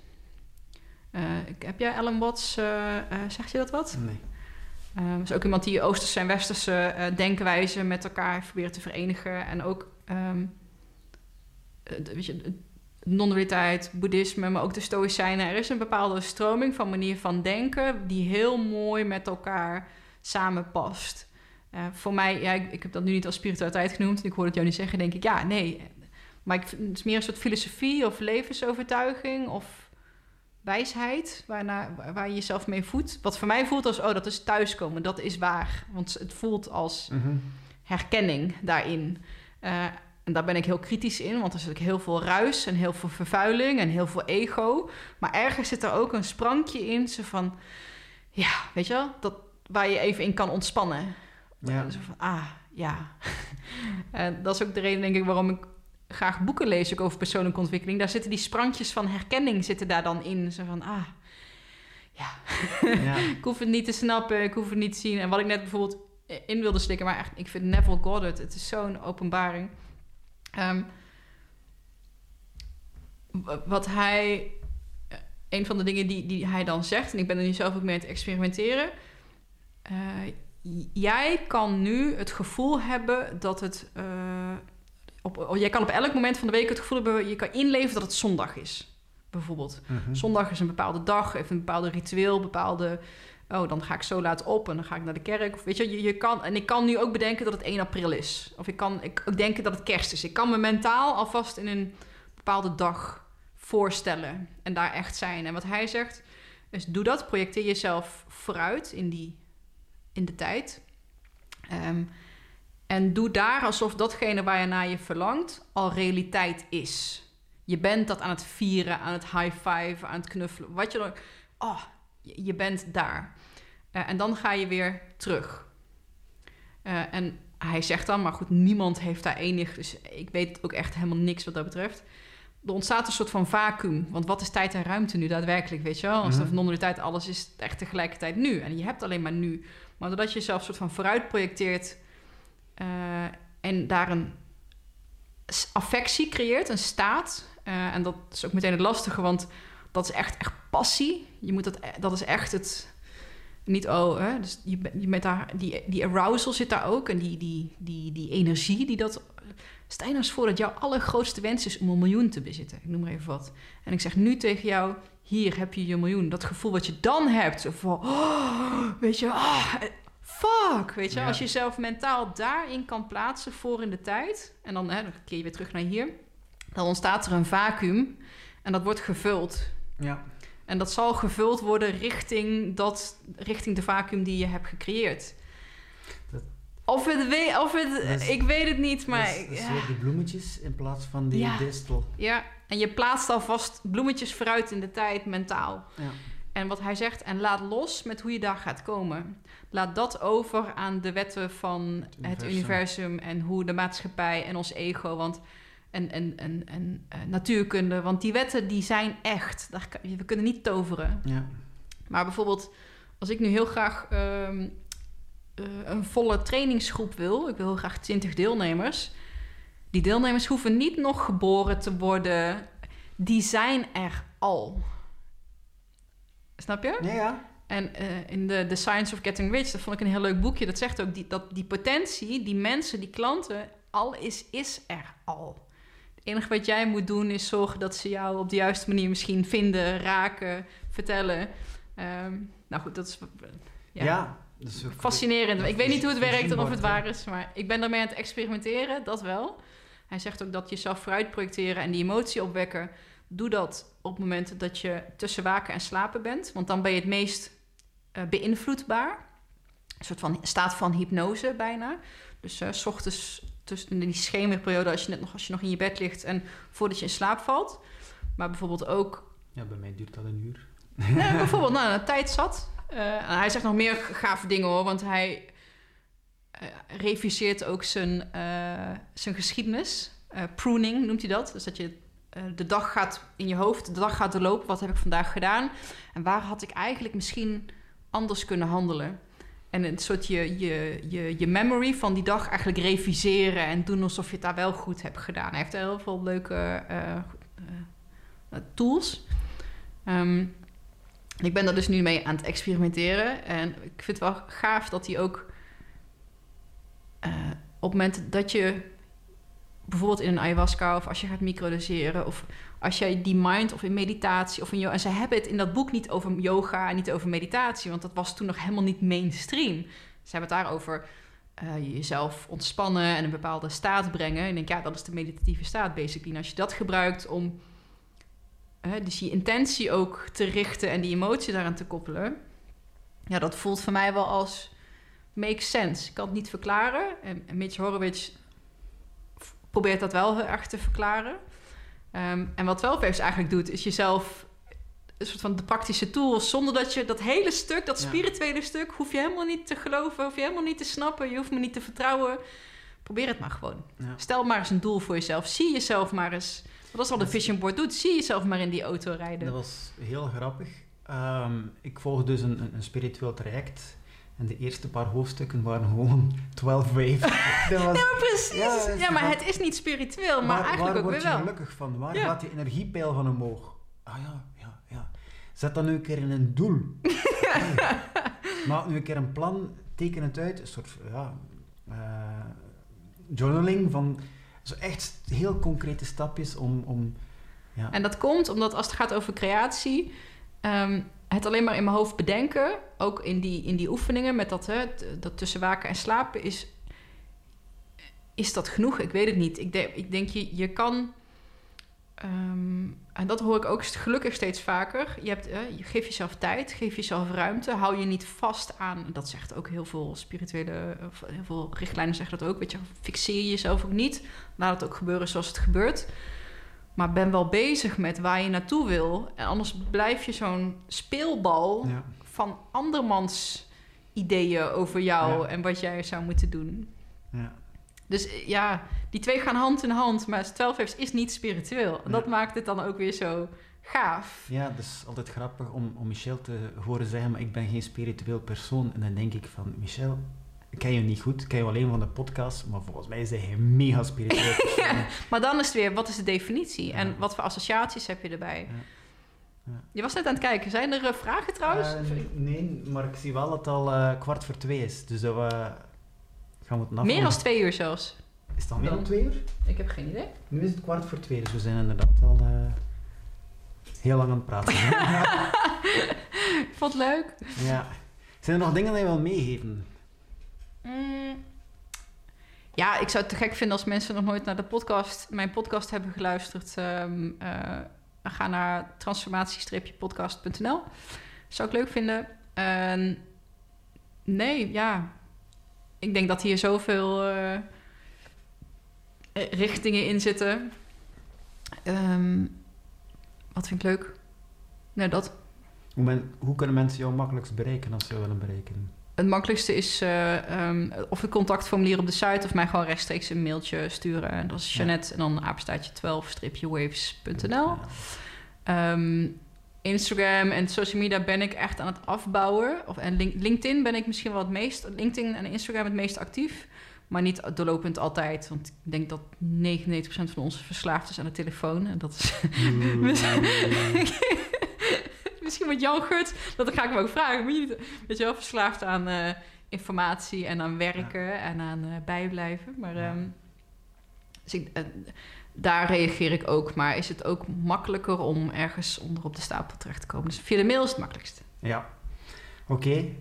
Jeannette, heel erg bedankt. Graag gedaan. Jij ook bedankt. Ja, en tot de volgende keer. Yes. Dat was hem. Dankjewel voor je aandacht en je tijd. Ik hoop uh, dat het je heeft mogen inspireren en dat je er wat uit hebt gehaald. Ik vind het altijd heel erg tof om te horen wat mensen uh, ermee doen. Um, stuur mij gerust een DM of laat uh, stuur een mailtje, mag allemaal. Um, ja, je weet het hè. Abonneer, volg, like, share, manifesteer 5 sterren. Doe iets liefs of check de crowdfunding um, voor een bijdrage in de productie van deze show. Dat was hem. Tot volgende week.